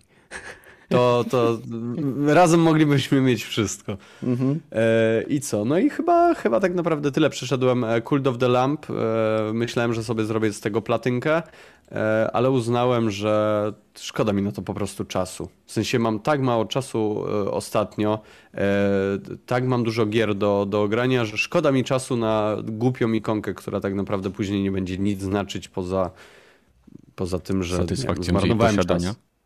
Tak, więc nie, nie, nie, zupełnie, zupełnie nie, nie. Dobrze, że się z tego wyleczyłem. To znaczy, czuję dalej taki niepokój, nie, bo mówię o tym, ale, e, ale tak, to, tak to się chyba wyleczyłem. Także, no. E, chyba tyle z, z rzeczy ciekawych ode mnie. I Okej. witam wszystkich. Witamy no. wszystkich znowu w składzie pięcioosobowym. Przechodzimy do pierwszych informacji. E, Myślę, że możemy zacząć od czegoś, co jest świeże, co graliśmy w ostatnim czasie, czyli od bety Call of Duty Modern Warfare 2. E, Wiem, że Badel grał, wiem, że Gragi grał. Rogaty? A, nie zdążyłem. Właśnie o tej grze. No jeszcze trwa. Dawaj, No to dobra, dobra, zaraz spalam. No kurwa. Nie no, ty spokojnie, jeszcze Steam. zdążysz. Call of Duty Piechu? Beta. Nie, ja nie grałem w dwójkę. Okej, no to ja grałem Gragi i Badyl, więc będziecie mogli nam zadawać pytania, jesteśmy ekspertami. E, więc e, Gragi, zaczniemy od ciebie. E, twoje wrażenia z samej bety, w jakie tryby grałeś, czy zauważyłeś e, coś, co ci się szczególnie spodobało? Wiadomo, że mamy tutaj pewne ograniczenia związane z tym, że niektóre rzeczy są jeszcze tam dopracowywane, bo mówili, że sprawdzają tam e, przejrzystość e, efektów cząsteczkowych, mgły, dymu i innych pierdół. Są też problemy w trybie Ground War z oświetleniem, z cieniowaniem i masą innych rzeczy, ale ogólne takie twoje odczucia i wrażenia. Czy Gragi je? Przechodzimy do Badyla. E. Te same pytania. Fak, ja też jadłem. Nie no, popiłem wino. E, Że wszyscy, wszyscy jemy. Powinniśmy się nazwać e, Jemy Aha, podcast. gadałem sam do siebie, brawo, brawo. Jak długo? Miałem nie- wyciszony mikrofon i tak mówię do was. Aha. E, Dobra, No, poczekaj. dobra. Badyl, to poczekaj, poczekaj, przyzwyczaj się, będziesz częściej to słyszał. Czekaj, stój. E, Gragi, Kanet, no kanet. słuchaj, jeszcze tylko ze dwa razy. Jezu, ale zlamiłem teraz. E, Nie martw się. Nie, Nic, ja kiedyś całe podcasty rozpoczynałem bez mikrofonu, w sensie zmiutowanym, także fajnie, że wam się też czasem to zdarza. E, Gragi, no to twoja opinia. E, W Grand jeszcze nie grałem, bo w momencie jak grałem, a naj, najwięcej grałem w tym pierwszym weekendzie, gdzie była zamknięta beta, e, no to tak naprawdę jeszcze tego trybu nie było i tak naprawdę dopiero się dowiedziałem, że Grandora dodali do bety, więc po podcaście jeszcze będę to testował, ale jeżeli chodzi o generalne wrażenia, No to jest tak, jak się spodziewałem, czyli to jest y, MW19 po prostu z nowymi mapkami. Y, jeszcze nawet wolniejszy, żeby było śmiesznie, więc to jest trochę. y, Jest tak, jak spodziewałem się, że to nie będzie mi się aż tak podobać. E, I raczej będę czekał na e, przede wszystkim na kampanię, dlatego super, że w tym roku do preorderów dorzucają tydzień wcześniej z kampanią, żeby można było się na niej skupić przede wszystkim najpierw. E, Ale szczerze, im więcej zacząłem grać, tym gdzieś tam zaczęło mi się to podobać. Głównie ze względu na nowy tryb e, trzecioosobowy, co mnie chyba najbardziej zaskoczyło w tej becie. Bo nie wiem, to, że wślizgi są jeszcze wolniejsze, no to dla mnie to jest okropny minus i to jest tragedia teraz, jak się robi te wślizgi. E, Bo to tak bardziej jakbyś rzucał kłodę, a nie robił ślizg. Jak chcecie zobaczyć, jak się robi ślizgi, to zobaczcie mecz Wa- Walia Polska, który właśnie akurat jest nadawany. Ta, tak powinny wyglądać ślizgi, a nie kurde, rzucanie drewna o, o z ziemię. E, I tak szczerze, no to mówię, dla mnie chyba właśnie ten e, tryb e, trzecioosobowy jest największą, że tak powiem, frajdą daje, zwłaszcza na dominacji, bo daje mi takie wrażenie takiego trochę czegoś pomiędzy Rainbow Sixem a Call of Duty, bo z jednej strony nadal to jest rozgrywka Call of Duty, teoretycznie, ale jednak jak się tak przyjrzeć, no to to, że mamy trzecią osobę, to trochę nam narzuca to, że możemy e, zaglądać za rogu i jeszcze widzieć wrogów, kiedy jeszcze oni nas nie widzą, nie? czy nie, nie mają prawa nas widzieć. Więc po prostu możemy wyjść na nich e, już wcelowani i przeprowadzając serię mm, e, strzałów. A fajne jest też to, że jak biegamy, to jest trzecia osoba, ale jak celujemy, to już mamy pierwszą osobę, chociaż e, jak pograłem kilka dni temu i się, tak powiem, ze znajomym wymieniłem opiniami, e, to dla niego, to faktycznie ja zauważyłem, ale mi to aż tak nie przeszkadzało, e, że jednak to przycelowa, zmiana perspektywy między trzecią osobą a wycelowaniem w pierwszej faktycznie troszkę za, zabiera czasu tam, nie wiem, ze 2-3 sekundy i trzeba się do tego przestawić. Ale mówię, tak jak myślałem, że naprawdę w tym roku nie będę tykał multika, tak myślę, że będę jednak dał przynajmniej te 20 godzin w tym roku wbiję, więc y, póki co jestem o dziwo zaskoczony pozytywnie, a naprawdę bym bardzo negatywnie do tej byty nastawiony. Gira jest spoko. E, Ja pograłem kilka meczy w większość trybów, tak naprawdę. Grałem w. Jezu, ten e, podstawowy z. Hmm, może po prostu jakiś tam deathmatch. Grałem później ten Ground War, gdzie jest po prostu większa mapa z Conquestem. E, I trochę mam problem z tym trybem Conquest, bo e, nie za bardzo wiem, czym Call of Duty chce być w tym, w tym momencie. I tak naprawdę grając w tę betę, w ten tryb Ground War, e, zachciało mi się e, kupić Battlefielda e, tego nowego. Mhm. Bo brakowało mi w tym sensu po prostu. Dla mnie Call of Duty zawsze to była gra szybka, gdzie wchodzisz na małą mapę, no stosunkowo małą mapę, zdobywasz kile, zdobywasz killstreaki, rozpierdzielasz i, i, i chodziło o tą dynamikę. Tutaj czuć tę dynamikę, ale w momencie, gdy Hmm, no tak naprawdę są te bliższe starcia. Mimo, że jest tych graczy więcej, e, no to jakoś to się rozkłada tak na tej mapie, że nie czuć tego ducha Call of Duty e, i to do mnie specjalnie tak naprawdę nie trafiało. Zależy to E, też od mapy niejako, bo są Pewnie takie tak, mniejsze no mapki tak. w- względem mm, MW19 pod tym kątem jest lepiej, bo tam były tylko duże mapy, a tutaj Mhm. jest trochę też takich klasycznych, więc trochę jest, ale dla mnie, na przykład nie wiem jak dla ciebie, no właśnie dla mnie, że no mówię, ja nie byłem fanem MW19 na dłuższą metę, bo dla mnie to jest świetny FPS, ale kiepski Call of Duty i to, to jest tak naprawdę DLC do te, tamtej części, to mam wrażenie, że movement jest jeszcze wolniejszy, zwłaszcza w ślizgi są tragiczne, a jak chcecie zobaczyć, jak wyglą- powinny wyglądać ślizgi, to sobie odpalcie mecz Walia Polska, która akurat leci. No Więc- to już Ale mówiłeś, to, ale... to już mówiłeś, to już chłopie, mówiłem, dokładnie ale- w ten sam sposób. Ale ten... Aha. E, z tego co Czyli widziałem co tam z filmików, bo nie grałem jeszcze sam, ale na, nawet na Discordzie ktoś zarzucał jakieś tam krótkie grify takie, że e, ktoś miał FOWA 105 i zapierdalał jakby miał, nie wiem, speeda w, e, w Tak. czterech literach, nie? Tak. I to dla mnie wyglądało naprawdę szyb- szybko i dynamicznie, więc to co ty opisujesz to Nie wiem, do, do czego ty porównujesz tą brak dynamiki, nie wiem. E, To, Jak to masz mniejsze pole widzenia, to postać ma wrażenie. Tak, ja mam 100, 110 ustawiony FOW i gra jest mega szybka. To, to... Ja maksymalny okej. FOW tak samo. Ale I- podobno i, i- tak, przepraszam, że wejdę w słowo, podobno i tak jest bug, który nie powiększa FOWa y, na więcej niż 105. Bo ga, gada, okej. gadałem dzisiaj ze znajomym, który, że tak powiem, w kodzie siedzi od bardzo dawna i on to sprawdzał, że powyżej 105 się już nie zmienia pole widzenia. Nie, E, nie wiem, Gregi, ja nie wiem, w którą ty stronę chcesz właśnie swojego gameplaya e, iść, żeby właśnie e, NoobTube i zapierdalamy po całej mapie cał, e, non-stop 4, 24 godziny na 7 dni w tygodniu, czy raczej metodyczne, takie jakieś bardziej taktyczne podchodzenie do tej rozgrywki, Jeżeli chcę metodycznie, to idę na Battlefielda, a, a nie Znaczy- do Call of Duty. Aczkolwiek no spoko, powiem, ci, powiem ci, że to Call of Duty wydaje mi się, że promuje taktyczne podejście nawet, e, ponieważ tutaj e, widać dość mocno ten, ten czas, który twoja postać potrzebuje, żeby z biegu przejść do przycelowania z broni, e, jest na tyle duży, że jak już wiesz, że w e, m, gdzieś niedalekiej odległości znajduje się przeciwnik, to musisz być przycelowany, żeby mieć pewność, że, e, że gdzieś tam go zabijesz. Ja przynajmniej za, zauważyłem takie, mm, e, takie sytuacje w moim gameplayu. Nie wiem, czy to dlatego, że używałem takiej, a nie innej broni, e, ale gro przypadków było takie, że pomimo, że ja zauważyłem pierwszy kolesia, to on mnie zabijał, ponieważ e, on już był wcelowany i to było widać na kilkamach. lepszego.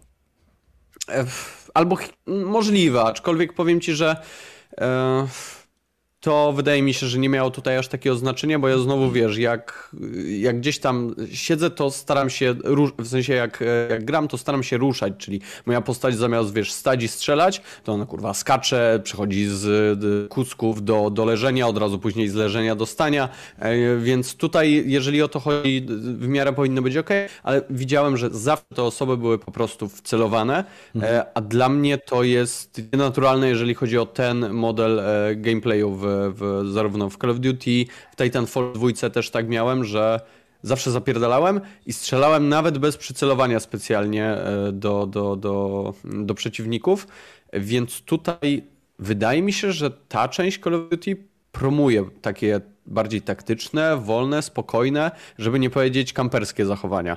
No. Mm, e, I no i chyba okej. Trochę za dużo jest tego wszystkiego. Ja ostatnio grałem w mm, Call of Duty właśnie z 2019, wcześniej tam jakieś, nie wiem, Black Ops może dwójkę i też nie za bardzo.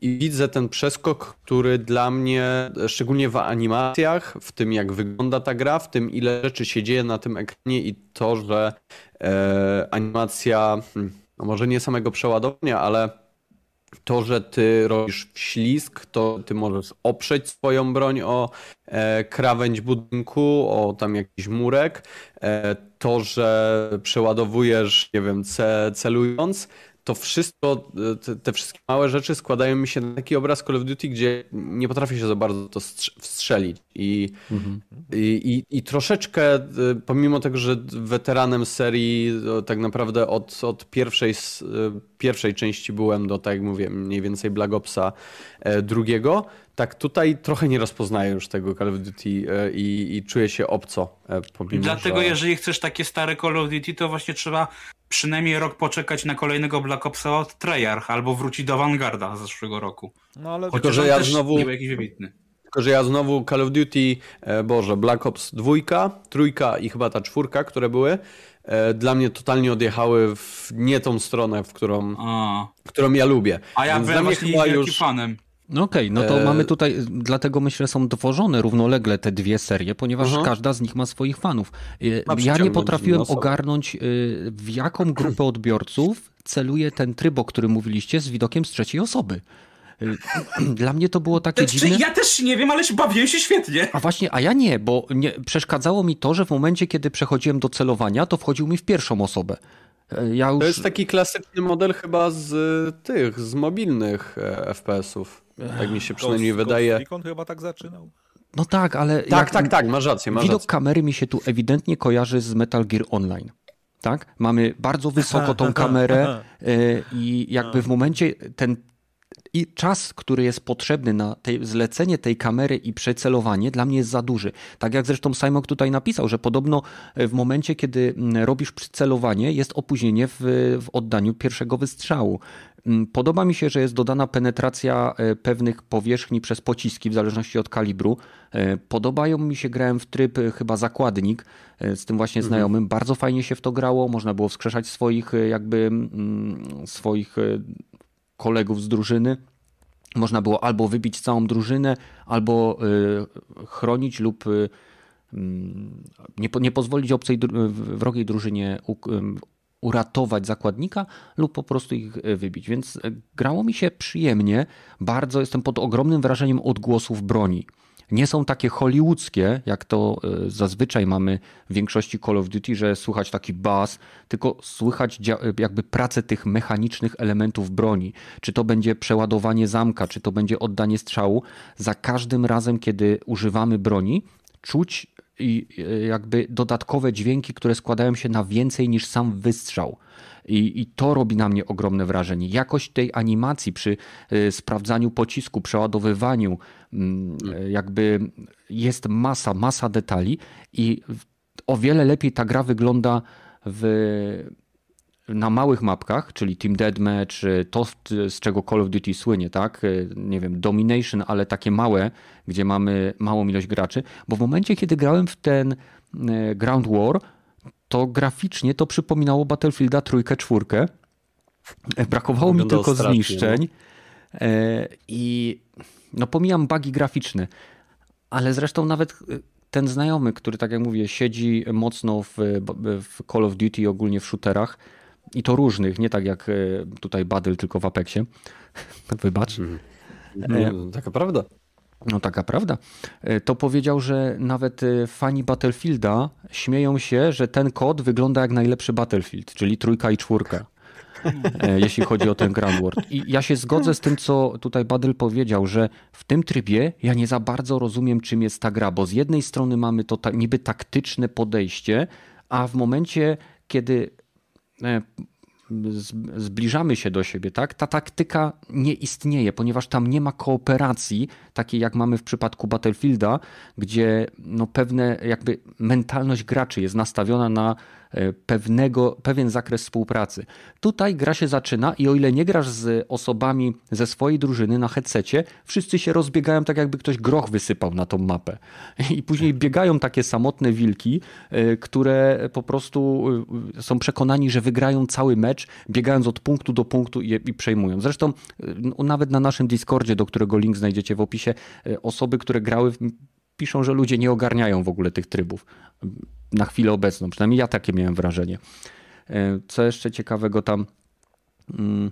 Znaczy, to, to, to, jeżeli chodzi o Grand War, no to stało się to, co się mogło się stać, czyli wzięliśmy graczy Call of Duty mental, z mentalnością graczy Call of Duty i wpieprzyliśmy ich na wielką mapę. No. no. Co, co mogło później tak? No, dokładnie to. I, i, e, no i okej, okay, fajnie, że próbują, fajnie, że coś robią, niemniej nie widzę tego za specjalnie.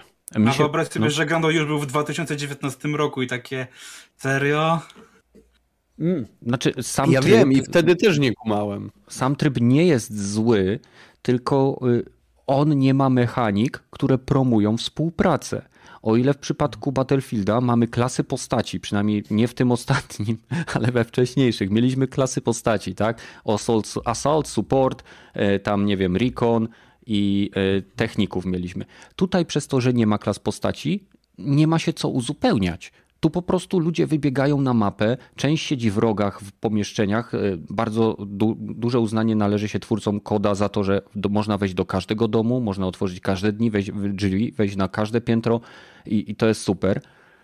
Ale nie ma nic, co promuje faktyczną współpracę. Jeśli trafisz na drużynę, która ze sobą współpracuje, wroga drużyna nie ma szans. No bo. Czy tak naprawdę, tu przepraszam, że ci przerywam, mhm. ale e, tak naprawdę, jeśli chodzi o taki bardziej właśnie współpracę i taki, wiesz, e, aspekt kompetytywny, to zawsze to były te tryby znajdź i czy tak jak teraz mamy e, knockout, czy tam, e, wiesz, pochwyć re rekruta, nie?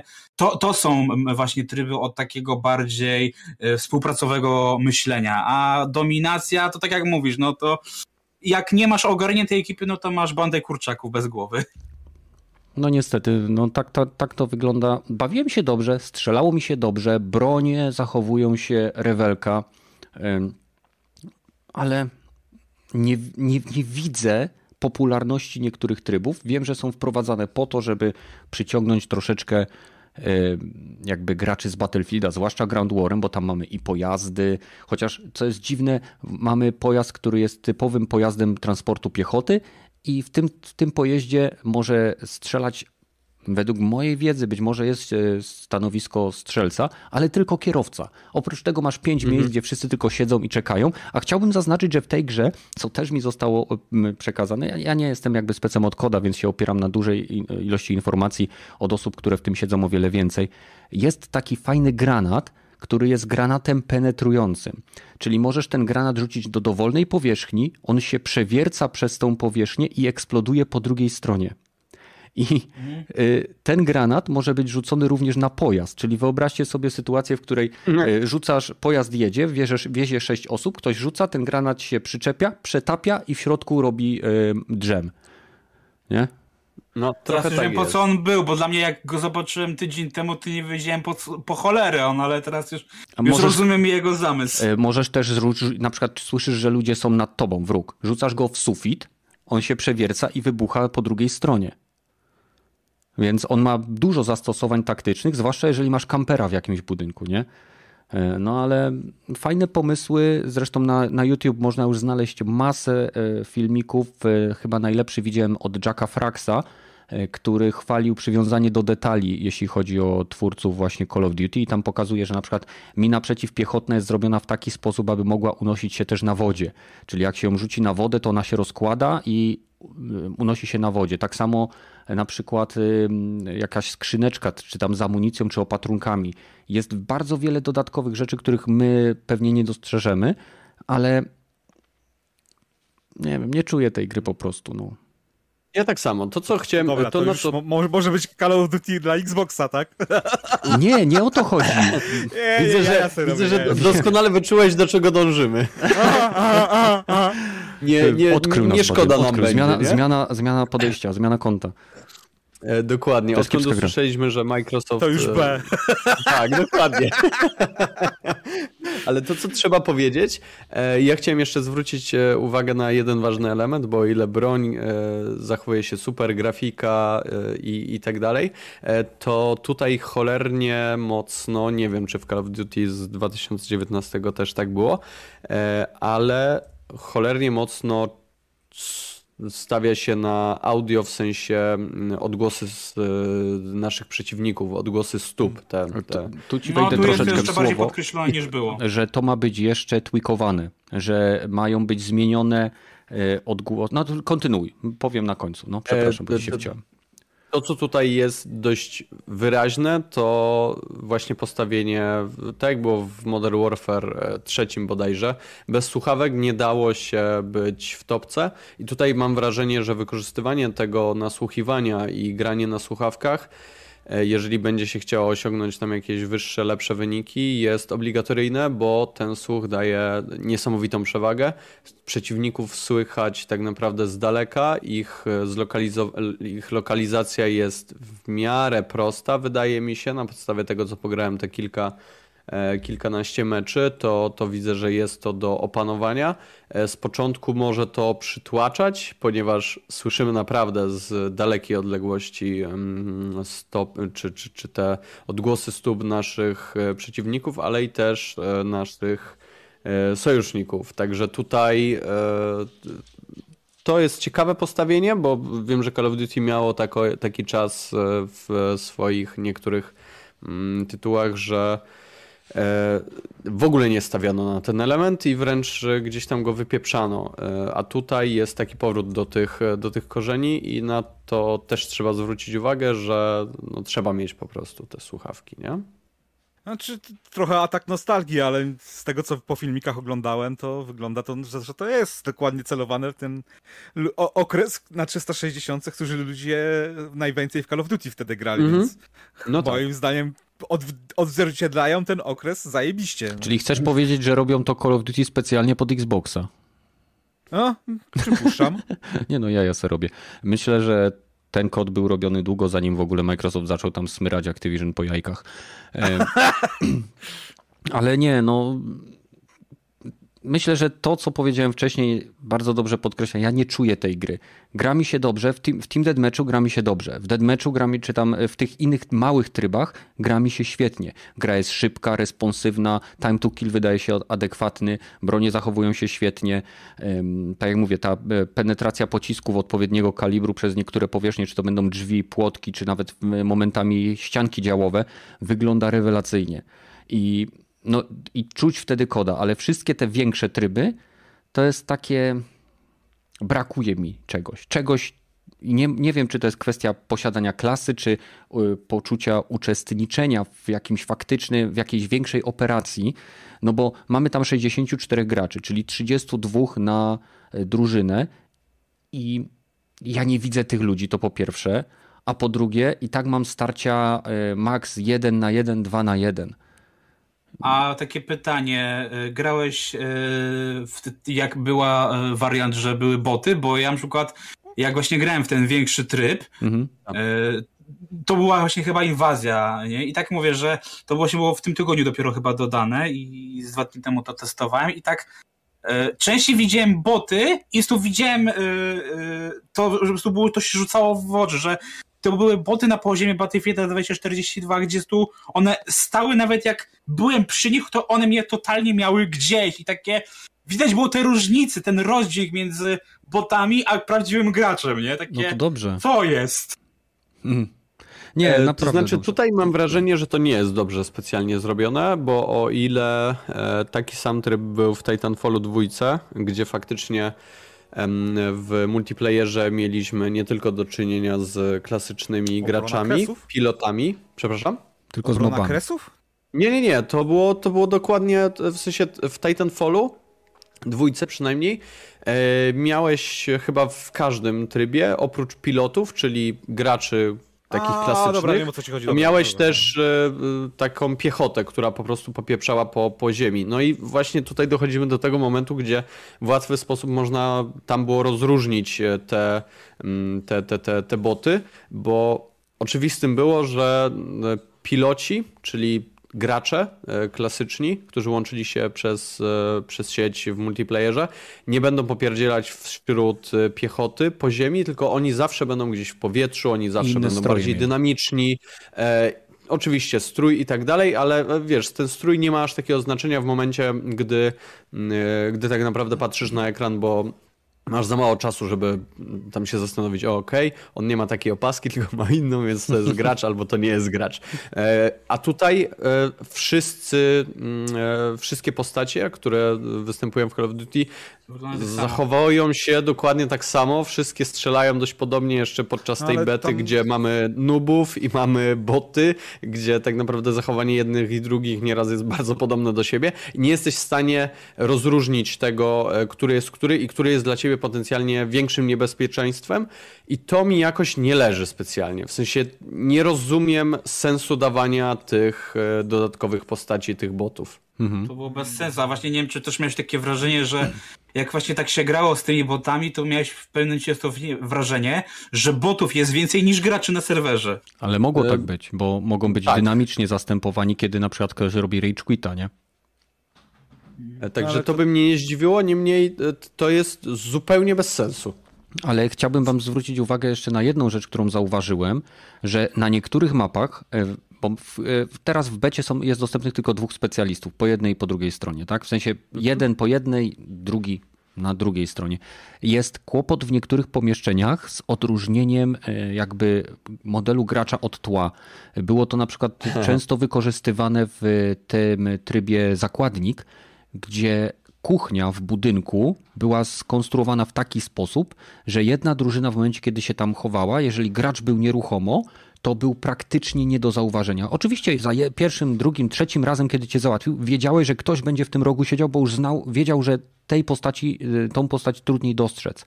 Ale nie ma żadnego systemu pingowania, przynajmniej ja go nie odkryłem. Nie ma żadnej formy komunikacji pozagłosową i to jest problem, bo... Jest Słucham? No, no nie wiem, na PC chyba jest, no ale okej, kontynuuj. Ale co jest? Y, Pingowanie z tego co widziałem. No to być może nie znałem skrótu. Nie twierdzę, że nie ma. Y, Ale no, nie, nie, nie udało mi się ogarnąć tego, no bo to jest szybka gra, więc zwłaszcza jak się gra ze znajomymi, no to starasz się nie być ostatni. No. No ale co tam z uzbrojeniem? Bo zablokowane jest jeszcze. Tak. Jest becie, progresja. Nie da, się, nie da się nic odblokować, co by Mhm. diametralnie wpłynęło na rozgrywkę, więc wszyscy są default na E, razie. Właśnie e, o tym systemie odblokowywania i o rusznikarzu chciałem pomówić też chwilkę, bo bardzo mi się podoba ten system, ponieważ mamy coś takiego jak jest rdzeń broni, tak jakby core broni, który zmieniasz na różne, na różne modele i każda broń zdobywa swoje doświadczenie, w którym odblokowujesz attachmenty.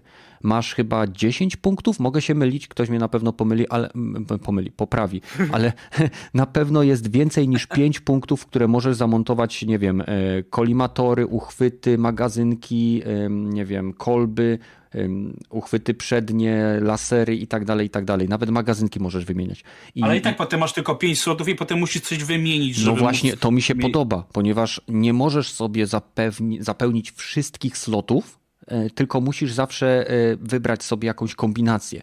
Jeżeli Mhm. częściej strzelasz z biodra, robisz sobie kombinację, która No tak. daje ci mniejszy odrzut z biodra. Jeżeli e, strzelasz. To było zawsze w no, sumie. no tak, ale to jest fajne i w przeciwieństwie do tych wszystkich wymyślanek, które robi Battlefield e, ze swoimi systemami progresji broni, gdzie za jakieś punkty w piątce wykupuje sobie drzewka umiejętności, Aha. tam po prostu grasz bronią, odblokowujesz do niej elementy, staje, ta broń staje się dla ciebie coraz lepsza. Zmieniasz Mm. Pytanie. rdzeń broni, sam środek, yy, zaczynasz odblokowywać elementy do tej broni. Pytanie, a nie masz wrażenia, że sam interfejs rusznikarza względem MW2 Jest 2019 nieczytelny.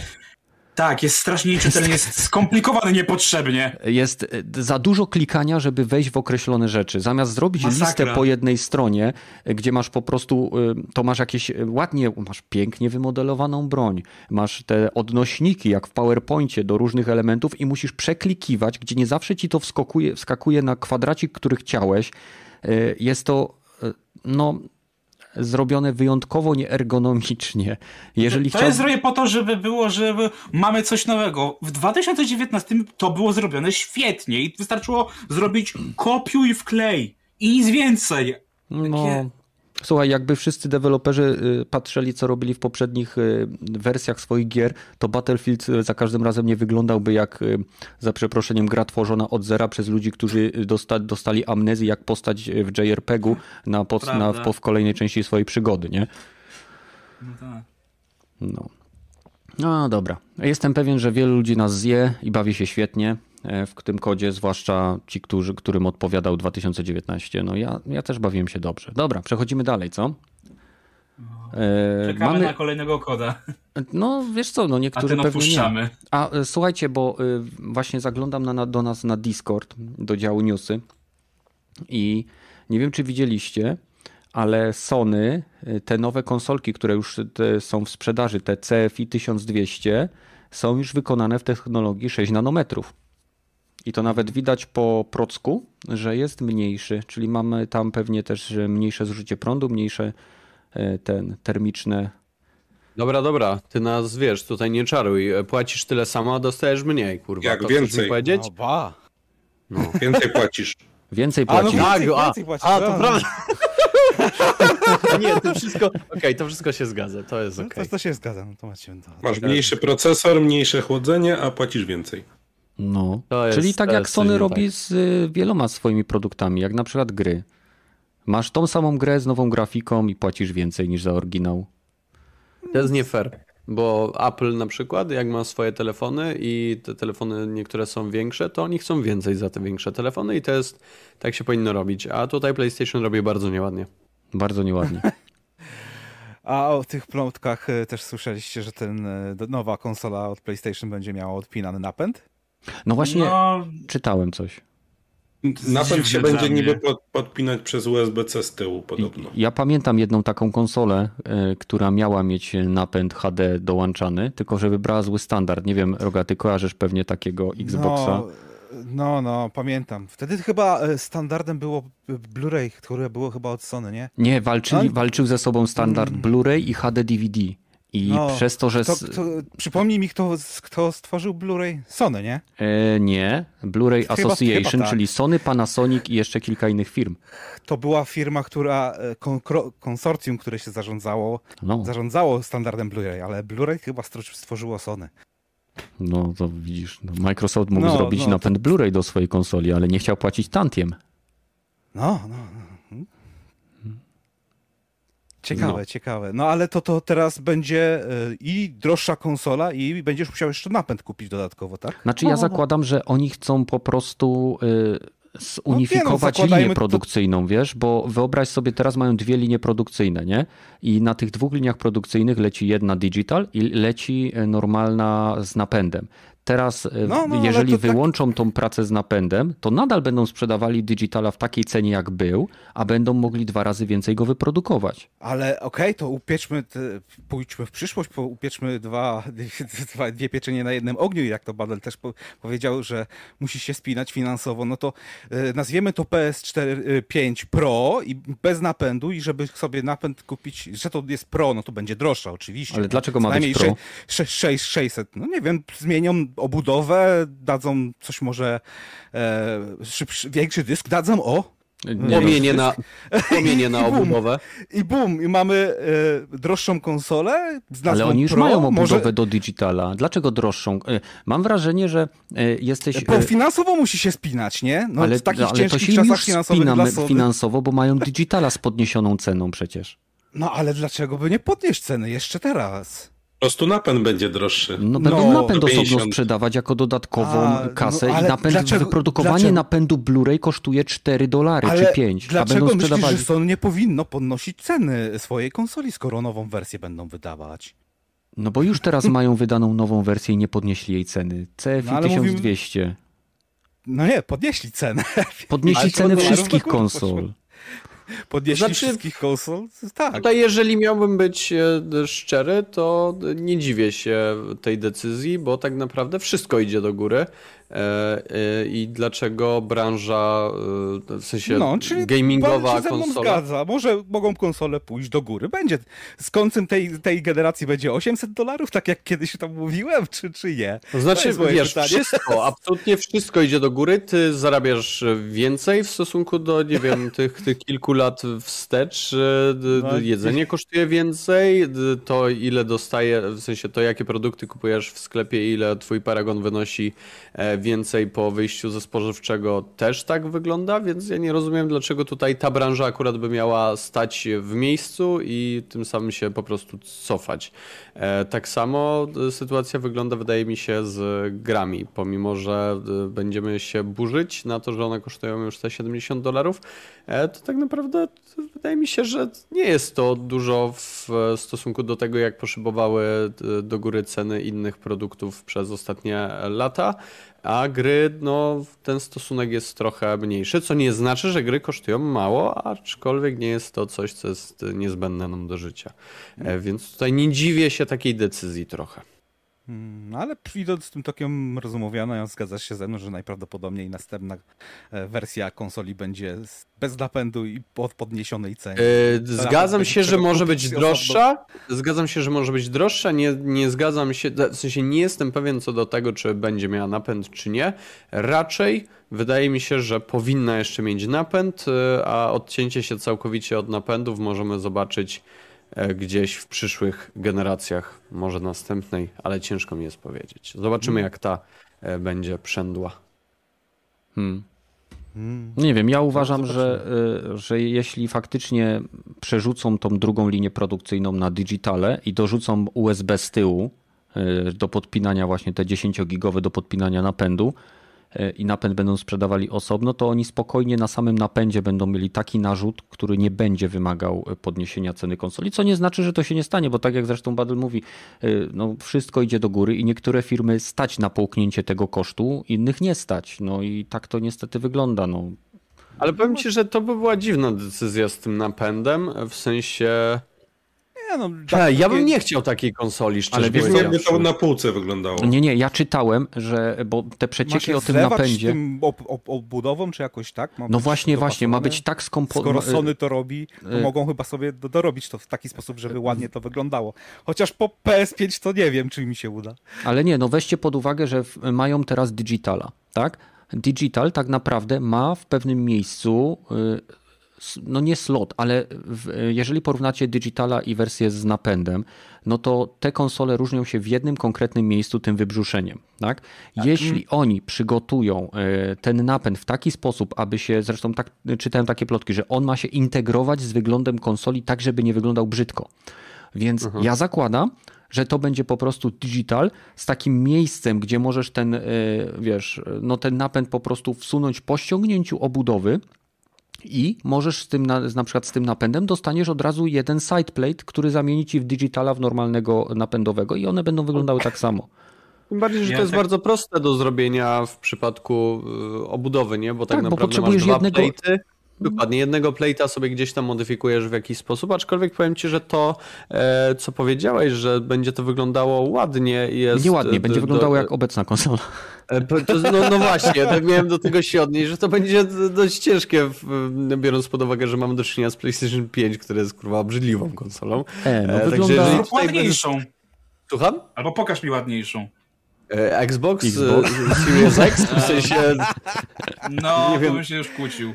No, no dobra, ale bo to samo słyszałem gdzieś e, w, parę miesięcy temu e, właśnie ze stajni Microsoftu, że pracują nad jakimś patentem, e, który będzie mógł pozwalać na e, identyfikowanie starych gier i coś miało mniej więcej na tym, e, jeżeli ktoś ma ESA, to Mhm. identyfikowanie polegałoby na tym, że wkładasz to w napęd i on odczytuje tą płytę, okej, tu jest, masz tą płytę, no to możesz sobie w nią zagrać. E, po ściągnięciu wszystkiego z, z internetu najprawdopodobniej. Tak No jak pewnie to- jest chyba, nie?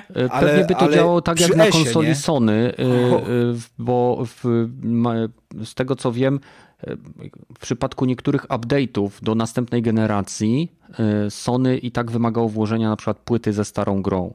A w przypadku ESA, no to nie wiem jakby to miało być, bo z tego co wiem, Właśnie napęd dodatkowy był y, opisany chyba w tym patencie, o którym Mhm. mówię. Więc no ale to płyta też... by była cały czas wymagana do, do A, wiem, wystartowania przy- prawdopodobnie. Przypuszczam, że tak. Przypuszczam, że bo tak. to by no. było już y, a biznesowe, mimo że Microsoft w ogóle super i fantastycznie, no to oni nie są też idiotami i nie rozdają rzeczy za darmo, bo to jest biznes, więc y, nie byłoby to na takiej zasadzie, że później y, 100, 100 kolegów by sobie pożyczyło, nie, wiem, tak, tak, tak wiesz, jak działa teraz na Fable. Xie, że musisz mieć tą grę zainstalowaną na komputerze, na konsoli i włożoną płytę, żeby móc z nią grać, nie? To standard jest. A właśnie, słyszeliście, że już oficjalnie Xbox potwierdził, że przynajmniej dla gier Smart Development już nie musisz być podpięty do sieci, żeby wjechać i w końcu można offline korzystać z konsoli. No, tak w wersji części. 2.2.06 To jest chyba bardzo miłe, bo, bo to było według mnie strasznie chamskie.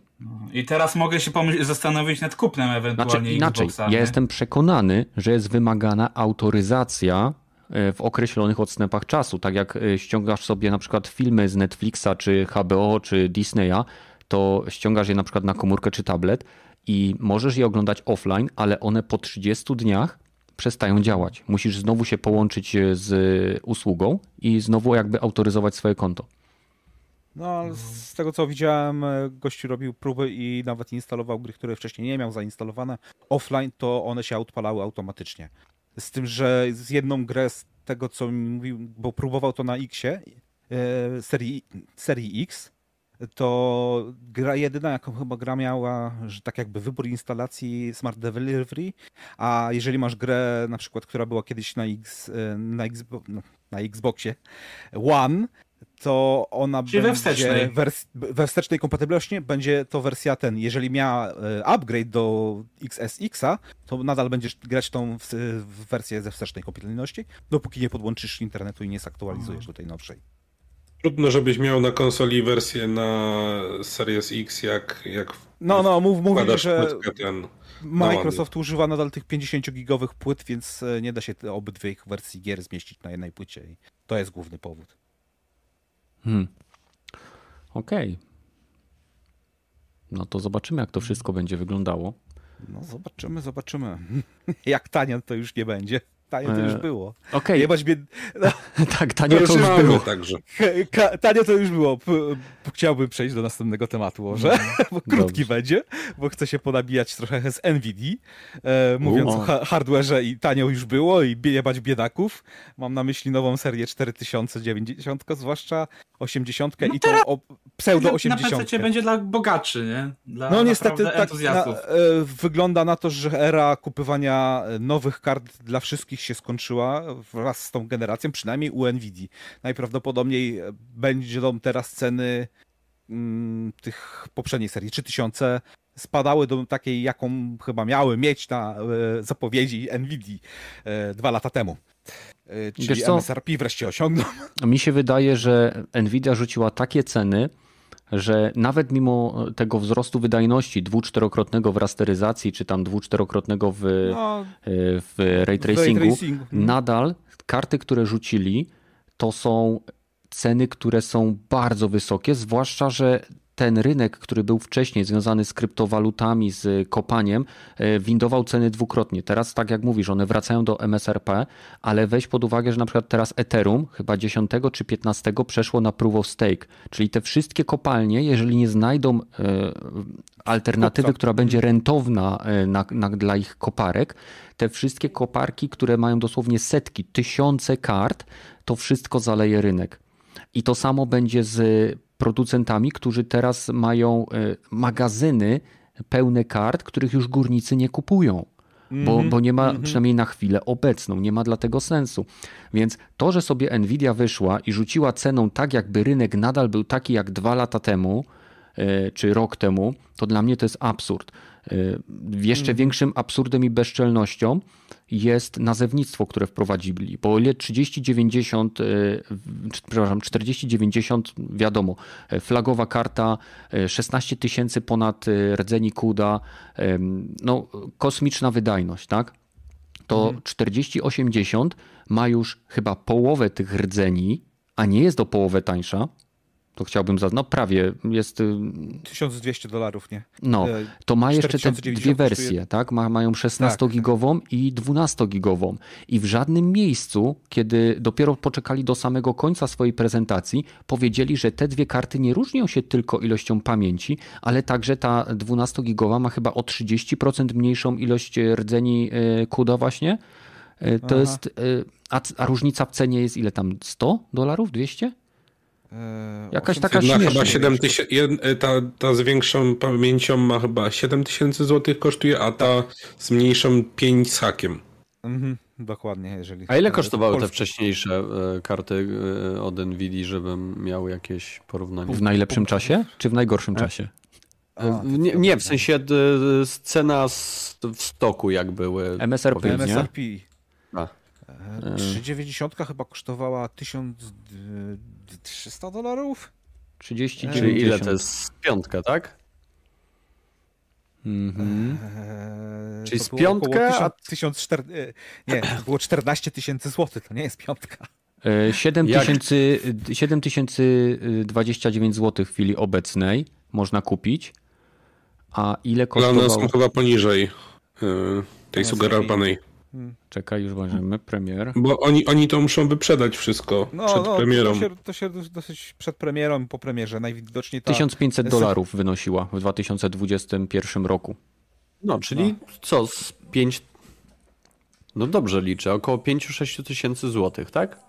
Powinny być, no, a były powinny dwukrotnie być, ponad a wyżej. po Bo, 14. no nie, no to, to, to wiadomo, że, że tyle kosztowały no, ze względu na to, co się działo, nie? Ale mówimy tutaj o sytuacji takiej, jak teraz mamy, powiedzmy. E, ja wiem, czy to jest taki duży przeskok? No, skok. W sensie 2000 piąt... do wie, więcej, no dla No. mnie to jest dość dużo. A 2000 dla mnie to więcej? jest w obecnym czasie na kartę graficzną, która w większości y, pójdzie albo do zapalonych graczy, albo do firm, które zajmują się tym i y, ich, w sensie dla nich te 2000 to będzie kurwa VAT, e, tak naprawdę to jest coś, na co wszyscy mogą sobie pozwolić tak naprawdę. Wszyscy. Więc Wszyscy!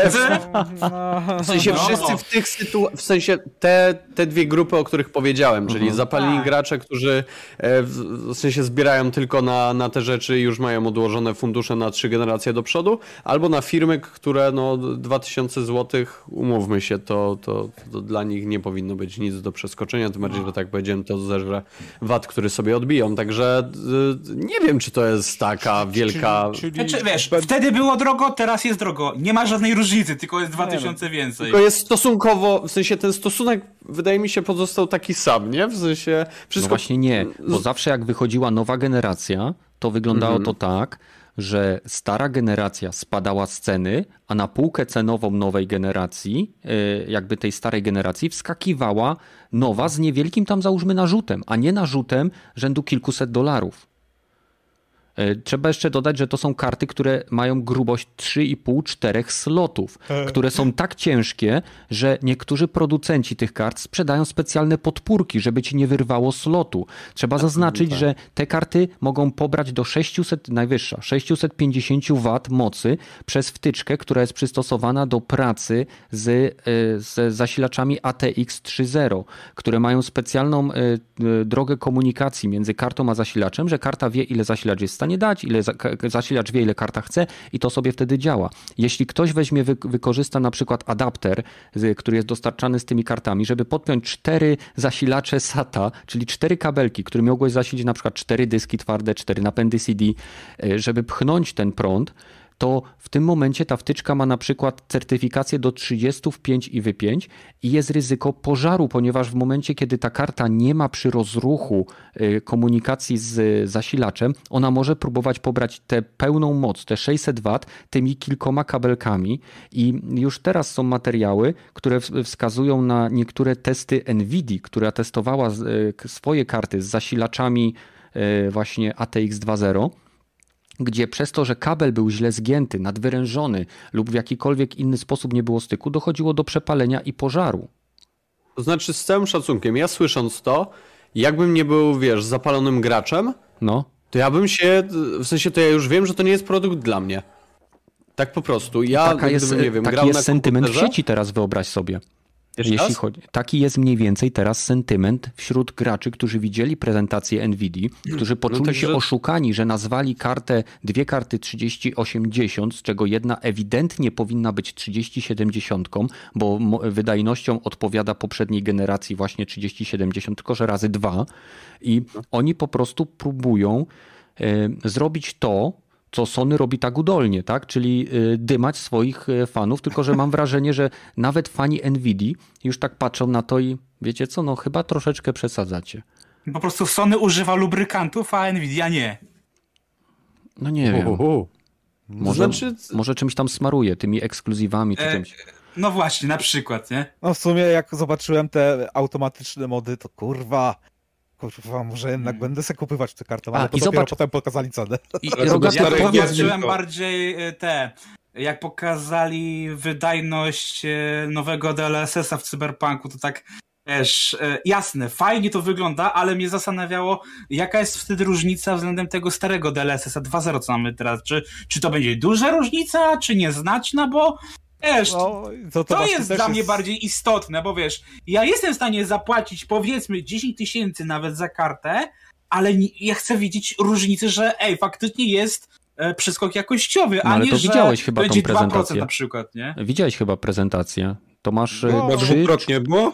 Trzy albo czterokrotnie w niektórych wypadkach było e, Ale to wiesz, lepsza widziałeś wydajność. poprzednią prezentację, tam też się chwalili, że No tak, oni- 3000 o- To jest właśnie problem. Dwa razy albo trzy razy szybsza od poprzedniej, od No, 2000, dlatego mówię, to- a potem się okazało 60% z- hakiem. Wiesz co, no, Więc- bo oni nie dają punktów odniesienia. AMD jak robi prezentację, to robi z punktami odniesienia. Oni nie. No, I to jest właśnie też problem tej e, jakby NVIDIA w mojej opinii, że na przykład e, według mnie e, te, to skalowanie NVIDIA, te mm, DS, DL, DLS, DLSR, LSS. DLS, no nieważne. Mówimy o czym mówimy, o, sk- o skalowaniu. Ej, kto je? nie. Nie. Nie, Nie. to je, nie. Okej, więc chodzi mi o to, że według mnie to skalowanie z mniejszą skutecznością, ale nadal powinno działać na, na generacji 3080. czy 30 generalnie, tak? Od, mogłoby być na przykład ograniczone od 30-70 w górę. A Nvidia celowo y, gateuje tą konkretną y, wartość, tak? Znaczy wartość w sensie dla produktu, tak? Y, Dla swojej nowej generacji, żeby zmusić ludzi do kupowania, żeby mogli ludzie po prostu wydać masę kasy tylko po to, żeby mieć o DLSS 3, Simon, dzięki. Więc to jest według mnie jedno nie fair. Druga sprawa, ta 30, e, 30 80 em, i manipulowanie nazwami tylko po to, żeby coś sprzedać. E, Nieinformowanie graczy, na przykład na... oglądam czasem e, recenzentów sprzętu PC-owego, tak? Czy to będzie Linus, czy to będzie Jay-Z 2 Cents, czy to będzie mm, chyba nie wiem, hardware ma w nazwie. Nie wszystkich pamiętam z, że tak powiem, z ksywek. I wszyscy jednocześnie uznają prezentację NVIDII za bardzo obiecującą pod względem technologicznym, ale ogromnie mm, nietrafioną względem konsumenckim. Że no, ewidentnie Nvidia próbuje manipulować przekazem informacyjnym po to, aby wyglądać e, jak najbardziej korzystnie, mimo że niekoniecznie to tak wszystko będzie wyglądać, więc nie Czyli co, teraz będzie nam wzrastała sprzedaż e, playaków i Xboxów nowych, a niekoniecznie nowych kart. Nie, bo nie. taniej będzie kupić e, e, playaka bądź Xboxa serii X niż nową kartę. Będzie to się bardziej opłacało, nie? Nie, nie, nie, nie, Raczej nie. rynek się wyreguluje tym, co jest właśnie już na rynku, czyli karty minerskie plus karty, które zalegają magazyny i Nvidia Dokładnie. musi się pozbyć. No i mamy Zresztą- jeszcze w październiku teraz, czy w listopadzie Tak, ma być AMD? Chyba 3 października wielka No. nadzieja białych AMD ma pokazać nową serię kart, ale to też... Trzymamy kciuki, żeby będą- nie była tak droga. Dokładnie, ale jak będzie, będą mieli bardzo dobrą, to będzie droga tak samo pewnie, więc... Ale na pewno będą próbowali, według mnie AMD nadal będzie, jeśli chodzi o karty graficzne, próbowało podciąć Nvidia, bo nadal oni walczą o rynek. Nvidia tak. nadal ten rynek ma, a AMD, o mają- ile w prockach się odbili, bo z Intelem e, są już hu, hu, hu, e, na dobrej ścieżce, żeby być równoprawnym, faktycznym konkurentem takim rynkowym, nie? Od- odnośnie procentu wykorzystania rynku, to z Nvidią e, nadal się jeszcze szarpią. No, 17% chyba tylko mają, z tego co ostatnio pamiętałem. A ile Ale mieli to- wcześniej? Chyba 6? Oh man, zależy od historii, bo to pamiętaj, że kiedyś było 49 dla AMD, nie? Więc Mhm. to dosyć, dosyć poszło niczko, ale ostatnia seria się dobrze sprzedała z tego co pamiętam i też jest Teraz ma dobrze wspierana. 24%, to już masz nieaktualne dane. Aha, A, a w, w pierwszym kwartale 2020 mieli 20%. No, to już idą do góry. Nie, no, wielka nadzieja. Nie no, Oby nie na konkurencji zyskujemy my gracze, więc no. Okej. E, No to co ciekawego jeszcze? Pamiętajcie, że dzisiaj będziemy też troszkę gadać o Tokyo Game Show, więc e, Może czas do tego przejść. myślicie? A co tam było w tym Tokyo Game Show? To jest takie od Game Show. Oh man. Co to Był, jest? był na przykład Xbox walczący o rynek japoński. A no było, No, było, było, nieudolnie. oczywiście. Czy ja wiem? Dzięki chłopaki za zlanie. Nie no, co ty mówisz? Jakie zlanie? Wszystkie informacje, które ci są potrzebne są w, tam, gdzie powinieneś je znaleźć. Co to jest Tokyo Game Show? No, Proszę mi powiedzieć. Google. Okej, No, no, i, ale ty prowadzisz podcast, chłopie. Ja zadaję pytanie, żeby ludzie też może wiedzieli. No tak, takie, tak, takie show w Tokio, co się dzieje. No. E3, takie E3 Tak, w Tokio. Tak, Tak. dokładnie. Dziękuję. Kojima tam był. jeżeli nazwa ci nie zdradziła tego, czym to jest, to nie wiem, co mam ci więcej powiedzieć. Już E3 PGA, co ma to bardziej. Jest PGA. Słuchaj, jak masz Dobra. E3, to jest już jeszcze bardziej ni- niejasna nazwa niż Tokyo Game Show. Masz nie tylko gdzie to się dzieje, ale też czym się zajmuje. Dobra, ja już kończę, będę leciał. Cześć pa wszystkim. Miło było cię poznać. No cześć, trzymajcie się. Mm, a Więc e, oglądaliście jakieś z tych materiałów, czy coś? E, Ja chwa- tylko Konami. Konami? Jezu, I żałuję. I żałuję. Jak pisałem do To, kum, to była tragedia. To, no, to ku- kumpel weź mnie w kur, nie w kurwia i tak naklnął się trochę, że jak Nie spytałem go. Ale nie, to troszeczkę była duża tragedia w porównaniu do...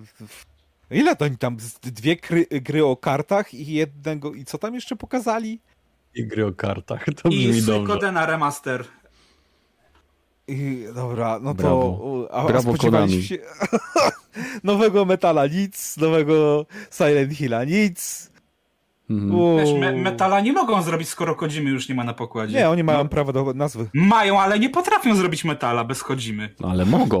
To że nie potrafią, nie znaczy, że nie mogą. Widziałeś Dokładnie, Rising. dokładnie, zgadza się. A co sądzicie o Street Fighterze 6, te materiały, które zostały tam dodane? Czy wygląda fajnie? Wygląda no, fajnie, no też się zgodzę. Bardzo, nie? Przecież... Mm. Bardzo mi się podoba ilość detali e, na postaciach. E, Dziwię się troszeczkę, że będzie. Nie, nie rozumiem tej koncepcji stworzenia własnego wojownika. E, W jaki sposób e, wybieramy od razu e, jego styl walki, umiejętności? Czy chodzimy po tym świecie i jakby zdobywamy jakiś element RPG będzie, gdzie będziemy mogli różne style walki łączyć? Nie wiem, u Zangifa łapniemy sobie takich styl, e, u Chanli, nie wiem, e, salta w rozkroku e, i, i Nie, tak no, to dalej. I raczej tak będzie dalej. jakoś predefiniowane, bo tak to e, musiałobyś mieć coś na zasadzie, jak było na przykład e, w Mortal Kombat Conquest, nie? Czyli ten, Mhm. ale to byłoby za dużo po prostu pierdzielenia się i byłoby to zbyt skomplikowane, więc musi być po prostu jakiś taki albo predefiniowany, albo właśnie, że wybierasz. Wiesz, to, to mimo wszystko jest takie e, tak złożone, że to mówię, no to, to nie może być taka mi- mieszanka wszystkiego i naraz, nie? Mhm. E, mówię, ja szczerze mówię, ja nie jestem fanem Street Fightera, bo u mnie Street Fighter to się skończyło na dwójce. Uważam, że to, to była najlepsza część i taka, e, no dla mnie przynajmniej najfajniejsza, ale szczerze, jak patrzę na to, jak wygląda ta szóstka, to naprawdę coraz mi się chyba naprawdę będę chciał to sprawdzić. chyba głównie styl, nie? No bo jeżeli chodzi o technologicznie, to to nie prezentuje się jak na następną generację. No to tak jak Yakuza, generację. nie? Yakuza Ishin też jest No. e, crossgenem i też się chwalą tym, że przeskakują na Unreal'a czwórkę. Więc wiesz, Hmm. ale jednak e, robi robotę ta nowa Yakuza, która będzie za parę miesięcy. Także Ten, no. całe Tokyo Game Show było napakowane e, e, grami, no wiadomo, na rynek japoński, ale nie było zbyt wielu tytułów, które zapadły mi w pamięci, to niestety muszę przyznać. tak naprawdę najwięcej to były na Sony, bo Sony właśnie ten swój pokaz szykowało tak pod Tokyo Game Show, więc tak naprawdę jeżeli szukasz to najbardziej pamiętliwe, no to musisz się wrócić do ostatniego State of Play, nie? Mhm. Znaczy ja jestem e, ciekaw tego Exoprimal. E, Nie rozumiem, czym ma być ta gra. Czemu te dinozaury e, spadają z nieba? Ja wiem, że to jest jakaś sztuczna inteligencja, która zmusza graczy do walki z tym wszystkim, żeby sprawdzić coś sobie tylko znanego. E, Ten tytuł jest tak japoński, e, że nie jestem w stanie określić, czym będzie do końca. Mam nadzieję, że będzie free to play. Tylko tyle mogę powiedzieć. Jeszcze Hmm. tam Monster Hunter Rise chyba był jakiś nowy, zapowiedziany. Mhm. No i też ogłosili DLC do Update e. Residenta e, Village. Z I to ma być e, ni- siostrą? Kogoś I to ma tam? być niby zakończenie ty, ty, tej rodziny Wintersów, czyli tak jakby dziewiąta część już nie będzie e, z Wintersami. Mhm. Tak Shadows jak of Ra- Rose God of War ten Ragnarok, dodatek. nie? Shadows of Rose. No. E, 28 października będzie. Wtedy, kiedy Bayonetta i Modern Warfare. No. O, Be- będzie ciekawie. ciekawe, ciekawe. Nie wiem, jestem ciekaw, czy nasi słuchacze zobaczyli na Tokyo Game Show jakieś tytuły, które im się podobały, czy coś im zapadło w pamięci, więc e, jeżeli macie takie tytuły, to napiszcie w komentarzach. Być może pod, zasugerujecie nam coś, w co my po prostu powinniśmy zagrać, więc e, czekamy na wasze pomysły. No i co, możemy w sumie przejść chyba do dosyć głośnego tematu, czyli wyciek GTA 6. No. Co sądzicie? Widzieliście te materiały, nie? Chyba każdy widział. No. I ja, ja nie chciałem sobie psuć nic i nie, nie oglądałem. Tam nie było co do A. psucia. Dokładnie. No wiem, no tam jest prealfa chyba z 2019 czy któregoś, ale... Tak. Mhm. Yy, Właśnie widać- nie wiem, nie wiem jak ludzie się kurde rzucają, że to brzydko wygląda. No kurde, Nie, jakiś build sprzed trzech lat. Ale nie, Dlatego to wywołało fajny ruch, że teraz w sumie wszyscy deweloperzy tam bardziej, którzy teraz mają swoje gry na e, gdzieś tam w najbliższych miesiącach, to też nie pokazują, że ej, ta, ta gra wyglądała na początku, tak wygląda teraz. I takie uważam na przykład, że to jest bardzo dobry ruch. Mówię, kiepski dla deweloperów i jasne, nie chciałbym być w ich skórze, ale mi się wydaje, że teraz gracze mogą bardziej zrozumieć, jak e, ten proces e, tworzenia gry e, wygląda mniej więcej. No jak I- wygląda? Najpierw powstaje grafika do gry. tak. Tak, E, koncept arty. Znaczy, koncept arty, nie? Ale wiesz, Nie, nie, chodzi mi grafika, o to, cała grafika, że, że teraz na przykład bardziej docenimy te wszystkie devlogi, które robi na przykład Dead Space Remake, nie? Że jak budują ten dźwięki od nowa.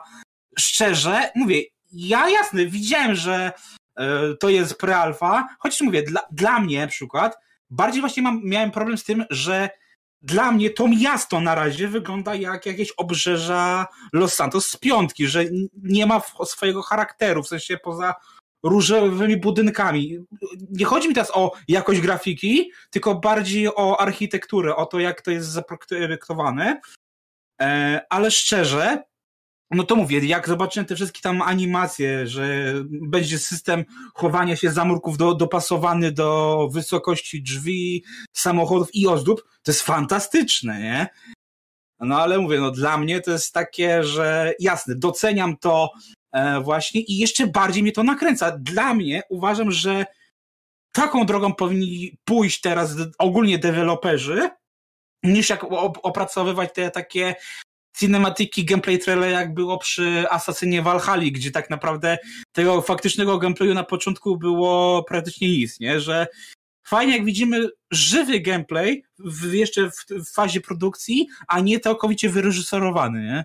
A teraz ja ci powiem, e, co zobaczy większość graczy. To znaczy, zobaczą ten gameplay i powiedzą, ale to jest gówno, to wygląda gorzej niż GTA 5. Ale o to nie, nie ma tak na... powiedzą tylko, nie? Nie ma, nie ma na co czekać i taki głos pójdzie w świat, a tylko to się liczy. W sensie y, to, co pokazujesz na wszelkiego rodzaju TGA 3, E3, PGA i innych takich bzdurach, to ma zachęcić, a nie odstraszyć. I większość nie zostanie zachęcona Ale gra jeszcze nie została oficjalnie Ale zapowiedziana. ja ci mówię, wiadomo, wyjdzie, Ale ja nie? ci mówię, tak, ja ci mówię, nikogo to nie zachęci do zagrania, bo zachęci e, zakłamane Watch Dogs z któregoś tam E3, które będzie ściągało portki, a w momencie, gdy zagrasz w tę grę, e, no to będziesz płakał, jak wygląda na No, przykład no to widzisz, jazdy. wolisz także- bullshoty z Watch Dogsa, czy Nie, nie, nie. widzisz, że jak Gragi, wiesz, to nie jest, Gragi, to nie jest, co ja wolę, bo ja pewnie bym wolał ca przez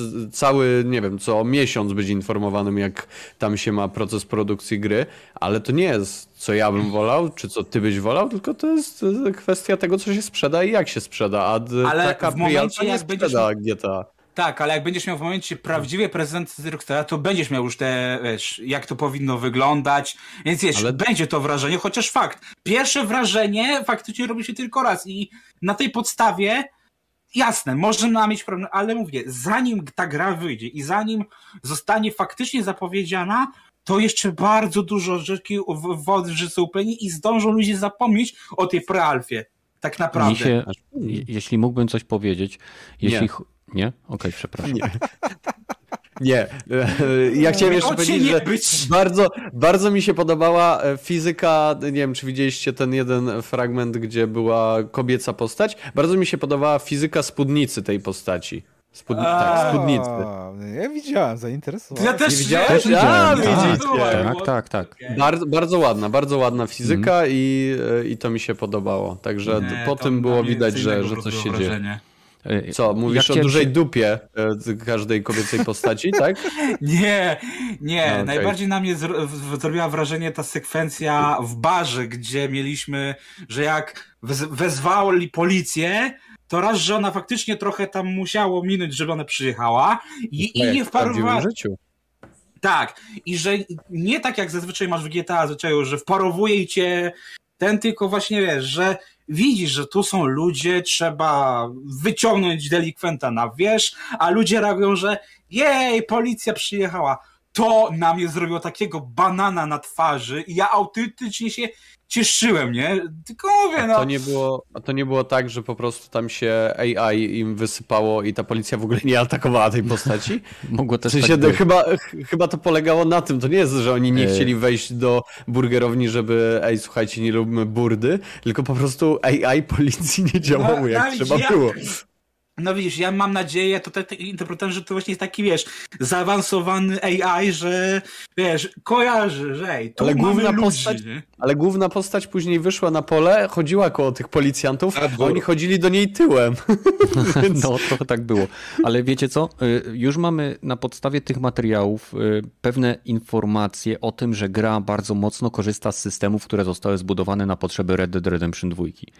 Już możemy się spodziewać, że będziemy mieli troszkę wyższe podejście do realizmu. Zresztą to też zapowiedział Rockstar, że gra ma być mniej jak y, GTA 5, bardziej jak GTA 4, tak?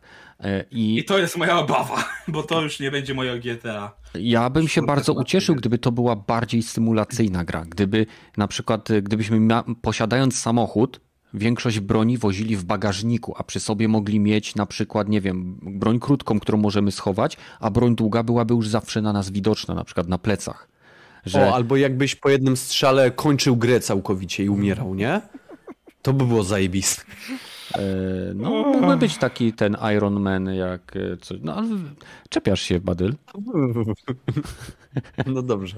Kontynuuj, przepraszam. E, No, więc to mi się podoba. Mam nadzieję, że pójdą w kierunku e, takiego właśnie m, jakby rozegrania tego, bo e, nie, niekoniecznie chodzi mi o to, żeby przeszukiwanie postaci trwało 15 sekund, czy nie wiem, żeby można było robić pewne rzeczy tak rozciągnięte jak w Red Deadzie, bo tam ta gra miała zupełnie, działa się w innych czasach, miała inne tempo i to tam pasowało, przynajmniej dla mnie. Mam nadzieję, że po prostu rozbudują tą całą symulację świata. Nie zrobią czegoś takiego, jak zrobili e, goście z DICE, czyli że o, wrzucamy 128, e, 128 graczy, bo gracze chcą coraz więcej, mm, nie wiem, e, i przeciwników na, na mapie. Tylko nie, gracze Battlefielda chcieli więcej zniszczenia, lepszego zniszczenia i starego Battlefielda. Mam nadzieję, że w przypadku GTA zrozumieją, że będzie to gra bardziej symulacyjna, dziejąca się w dzisiejszych czasach, więc ciut szybsza, ale nadal y, dostarczą nam jakiegoś nowego doświadczenia. A odnośnie pierwszego wrażenia, o którym mówił Gragi, to ja się zgadzam z tym, że y, pierwsze wrażenie jest bardzo istotne, ale to nie to, co, to, co my dostaliśmy, to nie jest pierwsze wrażenie. To jest y, wyciek i informacja niekontrolowana, nie pochodząca jakby ze, z jakiegoś w miarę normalnego źródła. Pierwsze wrażenie jest wtedy, kiedy ty czegoś doświadczasz, nie kiedy ci ktoś pokazuje. Czyli w momencie, kiedy mówię w przypadku gier, pierwsze wrażenie y, z- do, odnośnie Saint Row ma się wtedy, kiedy się zagra w tą grę. Wszystko inne to jest marketing. Pierwsze wrażenie z Watch Dogs y, ma się wtedy, kiedy się zagra w samo Watch Dogs, a nie ogląda trailer. Dobra, to mi tam nie mów, co, co jest, a czego nie ma. Ja jestem graczem, y, prowadzę, nie prowadzę, tylko uczestniczę w podcaście i y, bardzo często gadamy o grach y, i naszych pierwszych wrażeniach związanych z trailerami. Także Naszych ty już nie opiniach. taki dokładny. To są wtedy opinie, nie pierwsze wrażenia. Ja mówię o moich pierwszych wrażeniach z gameplayów, które widzę i nawet gier nie dotykam. Ja, ja nie gram nawet w gry. Co ja tu robię? Czy ja już mogę iść, proszę pani? Spytaj się żony. To- Odpowiedź będzie jednoznaczna. Powinieneś już iść. No tak jest, drzwi są tam. Won. No dobra. Ja mam nadzieję, że tak naprawdę to, co się stało z GTA, otworzy troszeczkę oczy wielu graczom, którzy nie mają bladego pojęcia o tym, jak wygląda proces tworzenia gier. Mm, Fajnie też, że inni deweloperzy się do tego przyłączyli i pokazują, jak ich gry wyglądały we wcześniejszych e, fazach em, jakby przygotowań. Pod, zwłaszcza po, bardzo podobał mi się Sea of Thieves, gdzie stały takie fasolki z, z, z takimi drewnianymi znakami. To wszystko się dzieje na Twitterze, także możecie to tam spokojnie sobie znaleźć. E, A, właśnie, jeszcze z e, ciekawych rzeczy mogę dodać, że e, została zatrzymana pierwsza osoba, która rzekomo może być powiązana z tym atakiem hakerskim związanym z GTA 6. Jest to 17-letni e, chłopak. Badyl. Nie, bo byś z nami nie gadał teraz. E, 17-letni chłopak e, z Oxfordshire, czyli w Londynie. Gdzieś koło Śródziemia. E, tak jest, tak. Niedaleko zwykłego Shire, to jest Oxfordshire. I on już zawiasy miał. O Podobno. kurwa. No i jest podobno y, też odpowiedzialny, czy brał udział w ataku na Ubera i kilka innych y, y, jakby ataków hakerskich i podobno jest z, y, powiązany z jakąś grupą, czekaj, jak oni ją nazwali? Nie mogę teraz tego znaleźć. Hmm, hmm, hmm. Nie znajdę. W każdym razie y, to była jakaś bardziej zorganizowana grupa y, hakerów, która dokonywała różnego rodzaju ataku po to, aby wykradać i handlować informacjami. No i To jest po co? słaby haker, jak się dał po pięciu dniach złapać. O, słuchaj, może szukało go FBI czy coś tam. Znaczy wiesz, jak jest chęć do znalezienia, to, je, to szybko da się znaleźć. Jak nie ma chęci, to wiesz, nawet jak dowody leżą na wierzchu, to pewnie nikt też nie znajdą. No, to tam. prawda. Zostaw polską policję w spokoju. A, Ja jest. nie mówię o y, polskiej policji. O co ci chodzi? A, okej, to, to e, Nastolatek się. rzekomo należy do e, hakerskiej grupy Laspus. Las Pus? Laspus przez dwa S, e, drugie S jako dolar. Podoba mi się, podoba mi E, się. Grupa jest e, powiązana z atakami wysokoprofilowymi na cyfrowe, e, no, wiadomo, że cyfrowe przecież nie kradną poczty ze skrzynek. Atak między, Słuchaj, jak atakują Ubery, no to może między innymi e, włamali się do Ubera, Microsoftu, sieci serwerów Cisco, Samsunga, Nvidia oraz Okta. Gonu. To jest zaraz, e, to jest wyżej niż Pentagon.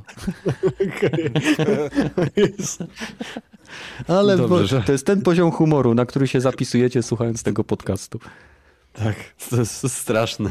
Mm, tak to wygląda. To co jeszcze ciekawego E, macie? No nie wiem, ja bym się chciał zapisać w e, historii e, gamingu jako ten, który ukradł GTA 6. I poszedł siedzieć. Nie, 17-latka nie wsadzą, wezmą go, zatrudnią w jakiejś z firm. To prawda. Dwóch takich, co księżyc ukradli, też nie. I też ich zatrudnili w jakiejś firmie, nie? Że ich zatrudnili w jakiejś... O, Badyl zamknął cię. Wiem. Ty tam na krakowskim przedmieściu mieszkasz? Ja, centrum? To, to jest w Warszawie. Krakowskie. A to śmie- śmieszne takie, bo już mnie mówi, że nie mieszkam w Warszawie. Nie, ja mieszkam na e, przedmieściu. W zasadzie to mieszkam na granicy. Aha, aha. No to dobrze. Ale Ten to nie powiem też jest- dokładnego. Ten podcast Adresu. też jest na granicy. Tak. Dobrego smaku. Też, to prawda. No, dobra, no to y, jeżeli macie jakieś y, ciekawe informacje jeszcze, no to zachęcam. EA jeszcze ogłosiło, że da wolną rękę deweloperom, że nie będą się tak wtrącać. Nie wierzę. Nie wierzę. Chyba, chyba już y, ostatnią deskę ratunku y, biorą, bo Y, Ja, ja za to słyszałem, jak Android Wilson e, od EA e, mówił, że mm, zamienienie Call of Duty w tytuł ekskluzywny dla platformy Microsoftu, czyli e, Xbox mm, X Cloud, czy Game Pass, czy cokolwiek tam sobie akurat Microsoft wymyśli, jest świetną okazją na e, zwiększenie li- liczby odbiorców e, serii Battlefield. A nie powiedział, że to nie ma finansowego sensu? Andrew Wilson? No chyba On jest Electronic Arts. A, Andrew Wilson. Nie, nie, nie, nie, nie Phil Spencer. To ten od Electronic Arts. Ten taki, co ma, wygląda jakby miał sztuczną twarz i był androidem. A, ten pan. Hmm. No, ten, ten, Co, ten jak patała. wam się nie podoba, to nie grajcie. E, tak, tak, coś w tym stylu. Dobra, tak, tak, tak. Teraz jest- kojarzę, okej. No, no, no. To on właśnie stwierdził, na, był chyba e, doroczne spotkanie z inwestorami i powiedział, że e, jeśli Call of Duty zostanie przekształcone w markę ekskluzywną dla platformy Xboxa, jest to świetna okazja dla e, serii Battlefield, aby osiągnąć wyższe wyniki. Mądry chłopak. Teoretycznie tak, ale trzeba jeszcze potwierdzić to jakością produktu, a nie Trzeba zrobić dobrą grę, tak. Tak jest. Ale szczerze, jeśli chodzi o to, o tę zmianę polityki, no to właśnie niejako te właśnie te vlogi e, z Dead Space'a, gdzie pokazują, że tak powiem, każdy etap pracy, To jest właśnie ten i szczerze mówię, dla mnie to jest super, że widzimy jak te gry ewoluują, jak się zmieniają, nie? Więc jeżeli faktycznie mają dostać mm, deweloperzy więcej takiej swobody, żeby pokazywać swoje gry na danym etapie, co nawet jest przecież na skate już można zobaczyć w tej becie zamkniętej, jak to wygląda, mimo tego, że to jest tam, nie wiem, jeszcze bez tekstur, ale już możesz w to zagrać, to jest spoko opcja, nie? Tylko, że to dla zapaleńców przede wszystkim. Przede no właśnie i to, to, co powiedziałeś jest bardzo istotne. Dla zapaleńców, którzy śledzą dany tytuł. Niestety w większości przypadków hype na dany tytuł jest y, tworzony w momencie jego ogłoszenia, utrzymuje się przez kilka tygodni, jak jest jeszcze do tego akcja promocyjna, to być może miesięcy, a później hype gaśnie. I bardzo dużo kosztuje firmy wypromowanie danego tytułu, dlatego w wielu przypadkach y, te ogłoszenia, które są, są bardzo dokładnie przygotowane. Y, weźcie pod uwagę na przykład jak y, Cyberpunk był przesuwany, to były przecież z wyprzedzeniem wielomiesięcznym drukowane plakaty z datami premier. Tak? Były wow. przygotowane akcje promocyjne i to wszystko musiało zostać, te pieniądze, które w to zostały wpakowane, musiały zostać jakby no, zmarnowane. I o ile w przypadku tak wysokoprofilowych gier jak Cyberpunk czy Call of Duty, te gry, każda informacja, która wycieka do sieci, automatycznie staje się newsem dnia i jest powtarzana przez youtuberów, którzy szukają atencji i robią całe filmiki na temat tego, jak to, nie wiem, Witamy wszystkich na podcaście. Witamy wszystkich na podcaście, tak jest. Ale dlatego możesz zrobić tak, jak zrobiło e, teraz e, Farm 51, czyli tak bez większej zapowiedzi mówisz, że no, WW3 będzie miało trzecią premierę, bo przychodzi na Open Beta w najbliższych dniach. I takie wow, na, na już wszyscy też? zapomnieli o tej... Na razie konsolowej wersji nie ma. Nie ma. Na razie niech wypuszczą betę, ale ona już powstaje, już tam gdzieś międzą, ale wiesz, takie ta gra już w sumie będzie miała trzecią premierę przez to, że jest open beta, nie? Już I ogólnie była... będzie free to play. Tak, będzie free tak, to tak, play, tak, ale to wiadomo od początku, nie? Ale wiesz, nie jest to, że tak jak, no wiesz, była ta zamknięta beta i to była niby ta druga premiera, druga szansa dla WW3, która, no, że tak powiem, chwilowo faktycznie tam miała fajny jakiś tam, wiesz, boost. E, trochę nam ludzi powracało, ale potem i tak ludzie gdzieś tam po się wycofywali, tym bardziej, że właśnie to, co osiągnęli w zamkniętej becie, nie przychodzi do otwartej i tak naprawdę teraz po prostu można powiedzieć, że ej, gra już jest, że tak nie trzeba jakoś tego bardzo nagłaśniać, bo ta gra już miała tyle tych szans, że nie wiem, czy, czy ktoś jeszcze będzie się nią przejmował, nie? To okej, okay, dobrze, że wychodzi otwarta beta, ale robić z tego szum nie ma sensu. Dlatego w sumie fajnie, że tak trochę po cichu po, e, wyszedł komunikat, że ej, będzie open beta za kilka dni, nie? Bo chyba ja... będzie 26 już. Czyli... A ja developentu się wreszcie udało chyba, tak? Do bety wejść. A ja no.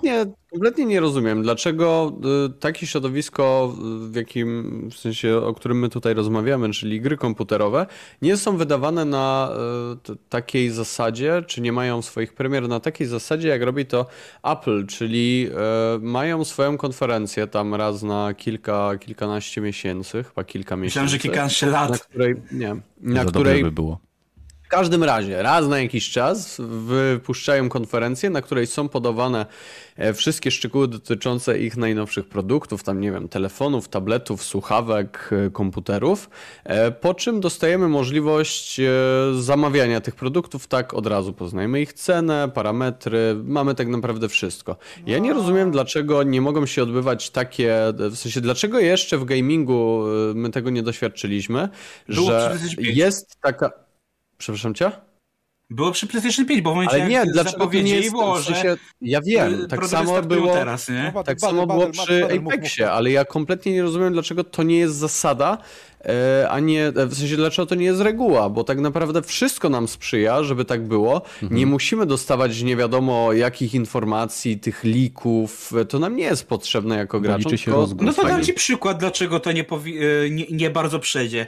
E, nie wiem, czy pamiętasz, ale parę lat temu była sytuacja z Unravel 2, gdzie właśnie na konferencji EA gościu wyszedł, powiedział, że no robimy Unravel 2. Wychodzi za 5 minut i okej, okay, kto chciał, to się tym zainteresował, ale generalnie premiera tej gry przeszła bez echa, tak na dobrą sprawę, więc ale o czym to jest ten mówisz? problem. A ty Chodzi nie o mówisz, to, że... A ty nie E, mówisz o zasadzie, to ja ci dam kontrargument. Apex Legends, który miał swoją premierę, nie wiem, 3 lata temu, został zapowiedziany wtedy, kiedy go w ogóle ogłosili, w sensie został wydany wtedy, kiedy go w ogóle ogłosili i ta gra zażarła i teraz jest trzecim najlepszym Battle Royalem. Ale weź dobrze, pod uwagę, przy- ile pieniędzy poszło na opłacenie streamerów na Twitchu, którzy nadawali tą grę. To był Shadow Market. Dobra, powiedz mi, powiedz mi, że tyle samo nie idzie na, nie wiem, cały marketing, który rozgrywa się wokół każdej jednej gry, która Może, jest ale wydawana. nie każda gra jest i... sieciowa. Ależ pewnie, że tak, tylko ja mówię, że to może mieć o wiele więcej sensu, bo nie wiem, masz do tego e, tak naprawdę infrastrukturę, masz do tego e, te dobra, którymi ty handlujesz, możesz mieć momentalnie na swojej konsoli i Mhm. Zgadza chyba się. Ale nie w każdym tytule. Nie przy każdym Który tytuł? przejdzie. Bo który y, tytuł nie, zapaleńcy by- nie byłby tacy, dobry. W sensie, Zapaleńcy żeby- No. tacy jak my, którzy śledzą branżę, tak? którzy poświęcają swój czas, żeby zmarnować czas innych ludzi, po, do, żeby słuchali naszych wypowiedzi, e, siedzą i pilnują. Czy Hel, e, Metal Hellsinger, o, jest, nie wiem, preview, oglądam, zajebista gra, nie wiem, e, Prodeus, super, o, fajnie, oglądam. Teraz wyobraź sobie, że studio indie e, mówi, no, robiliśmy taką grę, ona wychodzi. I Ale taki jebać indyki. Windyki, w windyki i tak, i tak gra mniej ludzi. Twoje Po to- preferencje seksualne to jest inna sprawa. Jakbym mógł powiedzieć o moich preferencjach seksualnych, to na pewno nie mówiłbym o indykach, tylko o innych zwierzętach. Słuchaj, e, jasne, można nie przepadać za indykami. Ja też nie jestem jakimś Ale nie, fanem. ja, ja przepadam, ale- tylko mówię, że nie w tej sytuacji. Tutaj, jeżeli mamy do czynienia z wielkimi konferencjami, to nikt nie czeka na indyki. W sensie tak po prostu nikt. Ja mówię tutaj o dużych grach. Nikt, nie wiem, nie ekscytuje Ale się tym, że będzie jakaś hype. nowa. Tylko- Zobacz, jaką promocję miał Valheim.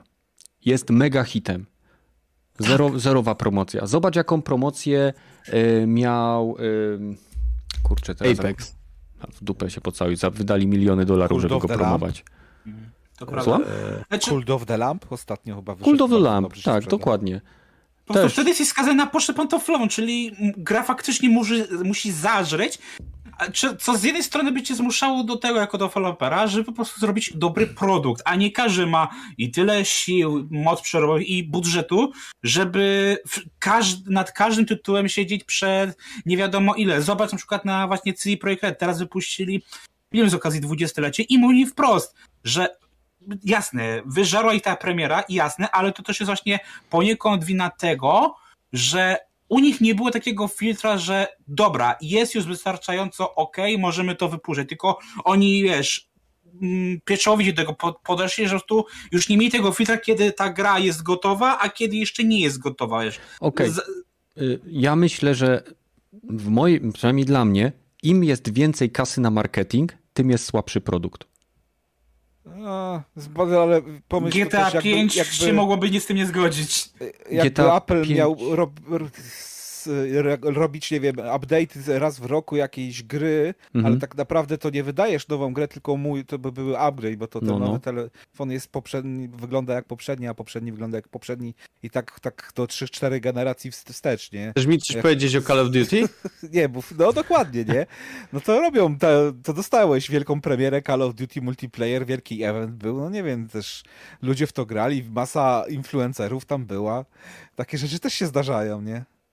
Y, To powiem wam tak, bo my na marketing patrzymy jako na rzecz, która y, musi trwać najlepiej kilka, jak, e, kilka tygodni, jak nie kilka miesięcy e, i my zupełnie inaczej to postrzegamy. E, A tak naprawdę to, że gra będzie miała swoją premierę w momencie jej zapowiedzi, nie oznacza, że ten ma- marketing wtedy musi się skończyć. Zgadza bo ten się. marketing wtedy tak naprawdę może ruszyć. Masz wielkie pierdolnięcie, nagle na Twitchu wszyscy grają w tę twoją grę, nie wiem, weźmy to GTA 6. Splitgate. Mimo, że ta, mimo, tak, Splitgate, mimo, że ta gra jest e, singleplayerowa, mimo, że ta gra jest taka, sraka, owaka, nagle cały internet przez jeden dzień, jeden dzień w internecie to jest w pizdu, jest zalewany jedną tą grą.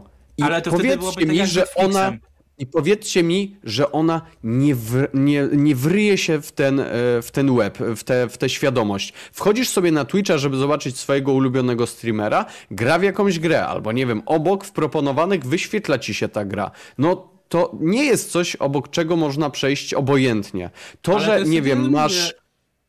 No. Mm, To jest taka sytuacja, jak masz e, z premierą całego sezonu jakiegoś serialu na Netflixie. No, wychodzi, a za dwa dni już nikt o tym nie pamięta. To jest wtedy taki, wiesz, e, boost, pik popularności na jeden dzień. A w momencie, jak masz e, zbudowaną machinę marketingową, to możesz zrobić tak, że potem, jak już ta gra wyjdzie, to nie wiem, przez tydzień się nie gada. Zobacz, Tak. o God of Warze będzie długo jeszcze gadane po premierze, a nie wiem, mówię o Cult of the Lamp pogadali dwa dni i kto dzisiaj o tej grze pamięta? Przykładowo, No ja. tak mówię dla przykładu, nie, że No nie Bez jest o tej niej głośno, machiny- zdecydowanie. E, Przepraszam, że wam troszeczkę przerwę, bo jestem ciekaw, e, jakie zdanie na ten temat ma Piechu, który e, prawdopodobnie zasnął. Nie, nie zasnąłem. Po prostu was nie słucham.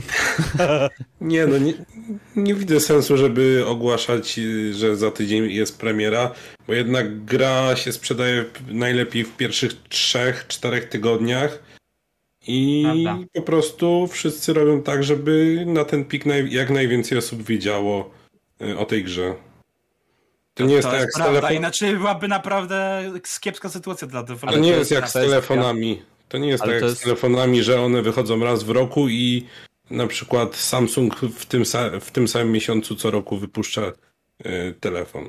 Czy tam. No tak, tylko że tutaj masz sytuację taką, że jedna część jednej gry wychodzi, no nie wiem, minimum raz w roku. e, W sensie, Boże, no tak, no minimum raz w roku mamy tam, nie wiem, premierę jakiegoś koda, ale generalnie czas developmentu kolejnych części gier e, z danej serii to jest kilka lat. E, Poza tym to nie jest tak, że na rynku masz, e, nie wiem, pięć wiodących serii e, gier, tak jak masz, nie wiem, pięć wiodących e, modeli telefonów, tylko tych gier masz jednak w pizdu. I w ciągu jednego roku przewija się tyle marek i tyle tego wszystkiego, że to po prostu według mnie dalej ja będę się tego trzymał, że to jest jeden z lepszych modeli e, tak naprawdę reklamy i, i, i sprzedaży, tylko po prostu my nie jesteśmy do niego przyzwyczajeni, to nie jest coś, co jest dla nas e, normalne i marketing przede wszystkim nie jest do tego dostosowany, bo my wszyscy tutaj mamy zupełnie inny obraz e, tego mm, procesu marketingowego, jaki... Mam pytanie. e,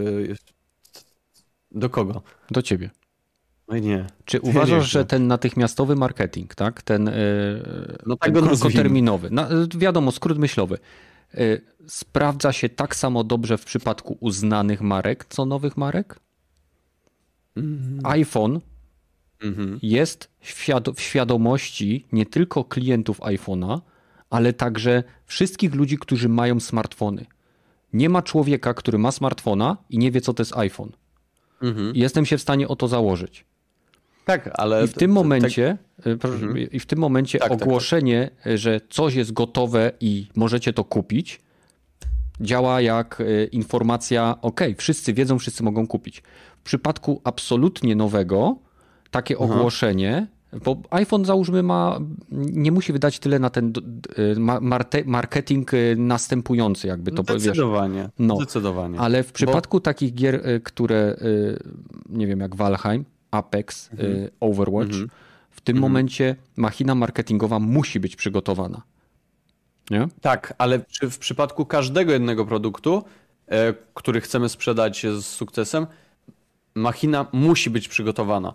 E, tylko to, co ja chcę powiedzieć, to ta machina nie musi ruszać kilka miesięcy wcześniej. Ona, musi, ona może być zaplanowana, ona może ruszyć kilka godzin wcześniej, żeby wryć się w tę świadomość. Ona może już kilka godzin wcześniej w sensie wcześniej e, od, od, od tej konkretnej daty premiery, tej konkretnej godziny premiery, ona już może e, gdzieś tam zdominować internet na zasadzie, nie wiem, chociażby głupiej tajemnicy, przecieków, czegokolwiek takiego, żeby jebnąć w momencie, kiedy ma jebnąć i utrzymywać się później na takiej zasadzie, no tylko uwaga, zasada jest taka, że musimy sprzedać produkt, który obroni się jakością.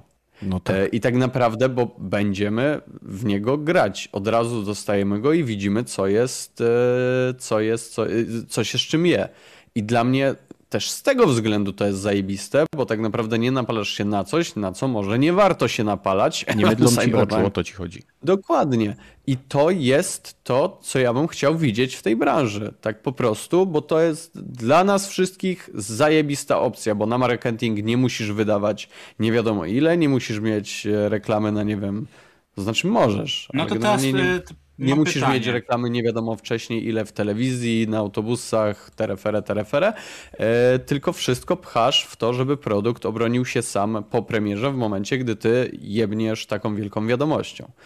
I nie mówię tutaj o tym, że nie wiem, nagle każdy jeden indyk ma być tak e, w ten sposób promowany, e, czy, czy nie wiem, każda jedna gra powinna być w ten sposób promowana, ale to jest sposób, który ja bym widział jako, jako coś, co by mnie bardzo mocno zachęciło, bo to nie musi być to, że nie masz premierę tej gry e, na takiej zasadzie, że musisz ją kupić, tylko na przykład możesz już zagrać w to demo i na końcu 20-minutowego dema e, wyświetla ci się opcja kup tę grę i wszyscy są szczęśliwi, bo pobierasz Dlatego to. na przykład ja bym wypuścił ten leak, który wyszedł z GTA 6 jako grywalny demo teraz, żeby Ale to nie jest chociaż... grywalne. Tu, tu musisz pamiętać, mm, Gragi, Ja wiem, ale że wiesz, ja bym z tego zrobił grywalne demo w tej To chwili, nie? żeby czasu. utrzymać, nie? Ale nie, teraz to pytanie do Badyla, bo oczywiście zgadzam się, że niektóre duże marki są na tyle duże, że nie potrzebują co roku się na nowo kombinować, jak tu jeszcze się bardziej zapalić. Wystarczy powiedzieć, że ej, mamy kolejną część, nie? Wiemy, że ją kochacie, więc i kupcie te, nie? Ale na przykład, e, przykład ostatniego Saints Row'a.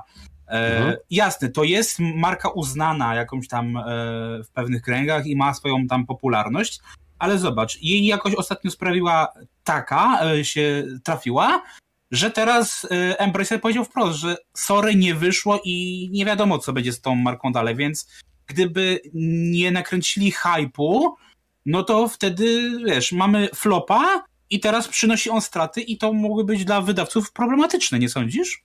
E, No, tylko w, w sensie to nie jest tak, że każdy jeden gna po tę grę. W sensie więcej wiem o Saints Row z materiałów, o Saints Row, przepraszam, z materiałów przed i ju- ja już przed podjąłem decyzję, że pierdolę to, e, niż z tych materiałów, które widziałem e, po premierze tak naprawdę. Bo e, dalej pa pamiętaj o tym, że masz youtuberów, którzy dostają to wszystko przed, mogą to pokazywać przed. Ich recenzje pojawiają się dokładnie wtedy, kiedy jest premiera, więc ty wiesz o grze tak naprawdę wszystko. Więc dalej, jeżeli produkt jest chujowy, nieważne czy reklamujesz i y, w sensie y, ogłaszasz jego premierę w ten sam dzień, w który go reklamujesz, czy y, miesiąc po tym, jak go reklamowałeś, ta gra się nie sprzeda. Tak po prostu. To, że Cyberpunk się sprzedał, było okupione tym, że po prostu było to zwykłe kłamstwo e, i było to, no, kurwa, marketing nam z, zamydlił wszystkim oczy, ale możemy się umówić, że to był gdzieś tam e, jakiś wyjątek, który, który, który nie, nie tworzy w żaden sposób zasady. E, także gra chujowa nie sprzeda się. Nieważne, czy jest zreklamowana w ten sam dzień, czy, czy kilka miesięcy wcześniej. Po prostu. No ale w przypadku, mówię, w przypadku dużych marek to mogło po prostu mieć duże konsekwencje. Mówię, gdyby na przykład, nie wiem, wydali Apexa dwójkę i bez odpowiedniego nakręcenia hypu okazałoby się, że on jest na przykład taki jak Battlefield 2042 na premierę, y, to to by zabił tę markę, nie uważasz? I już nie grałbyś w Apexa następnego. By zawsze nie grał. wiem, dla mnie jedno potknięcie nie kasuje dla mnie marki.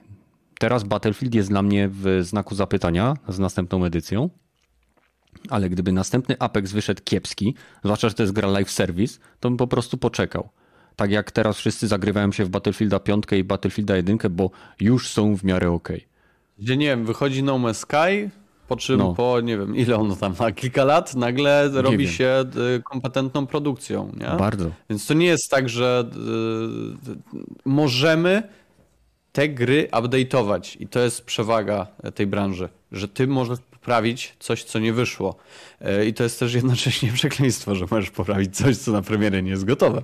E, Ale y, to- jest, w sensie, nie wiem, takie jest moje stanowisko. Moje stanowisko jest tak naprawdę, nie wydaje mi się, żebyście byli w stanie je zmienić, więc możecie się rozejść do domu. Dobrze, dziękujemy. E, Za tydzień Pa. ta sama pora e, w tym samym miejscu. Trzymajcie się. Okej. Okay. Chciałem jeszcze przekazać w zasadzie chyba jedną informację, chyba że druga mi się przypomni. Nie wiem, czy słyszeliście o grze The First Descendant. Jest to Nie. nowa gra z stajni Nexona, działająca na silniku Unreal Engine 5. I e, oktober to jest w październiku, chyba między 20 a 26 października na Steamie będzie open beta tej gry. To jest e, looter shooter z trzeciej osoby, mm, tytuł free to play, więc e, możecie sobie sprawdzić tą grę. A co jeszcze ciekawego? Miałem, miałem jeszcze jedną informację, ale mi umknęła. No nie mów. No. Ale to w moim wieku, wiesz, niedawno urodziny miałem, to w moim wieku to jest normalne.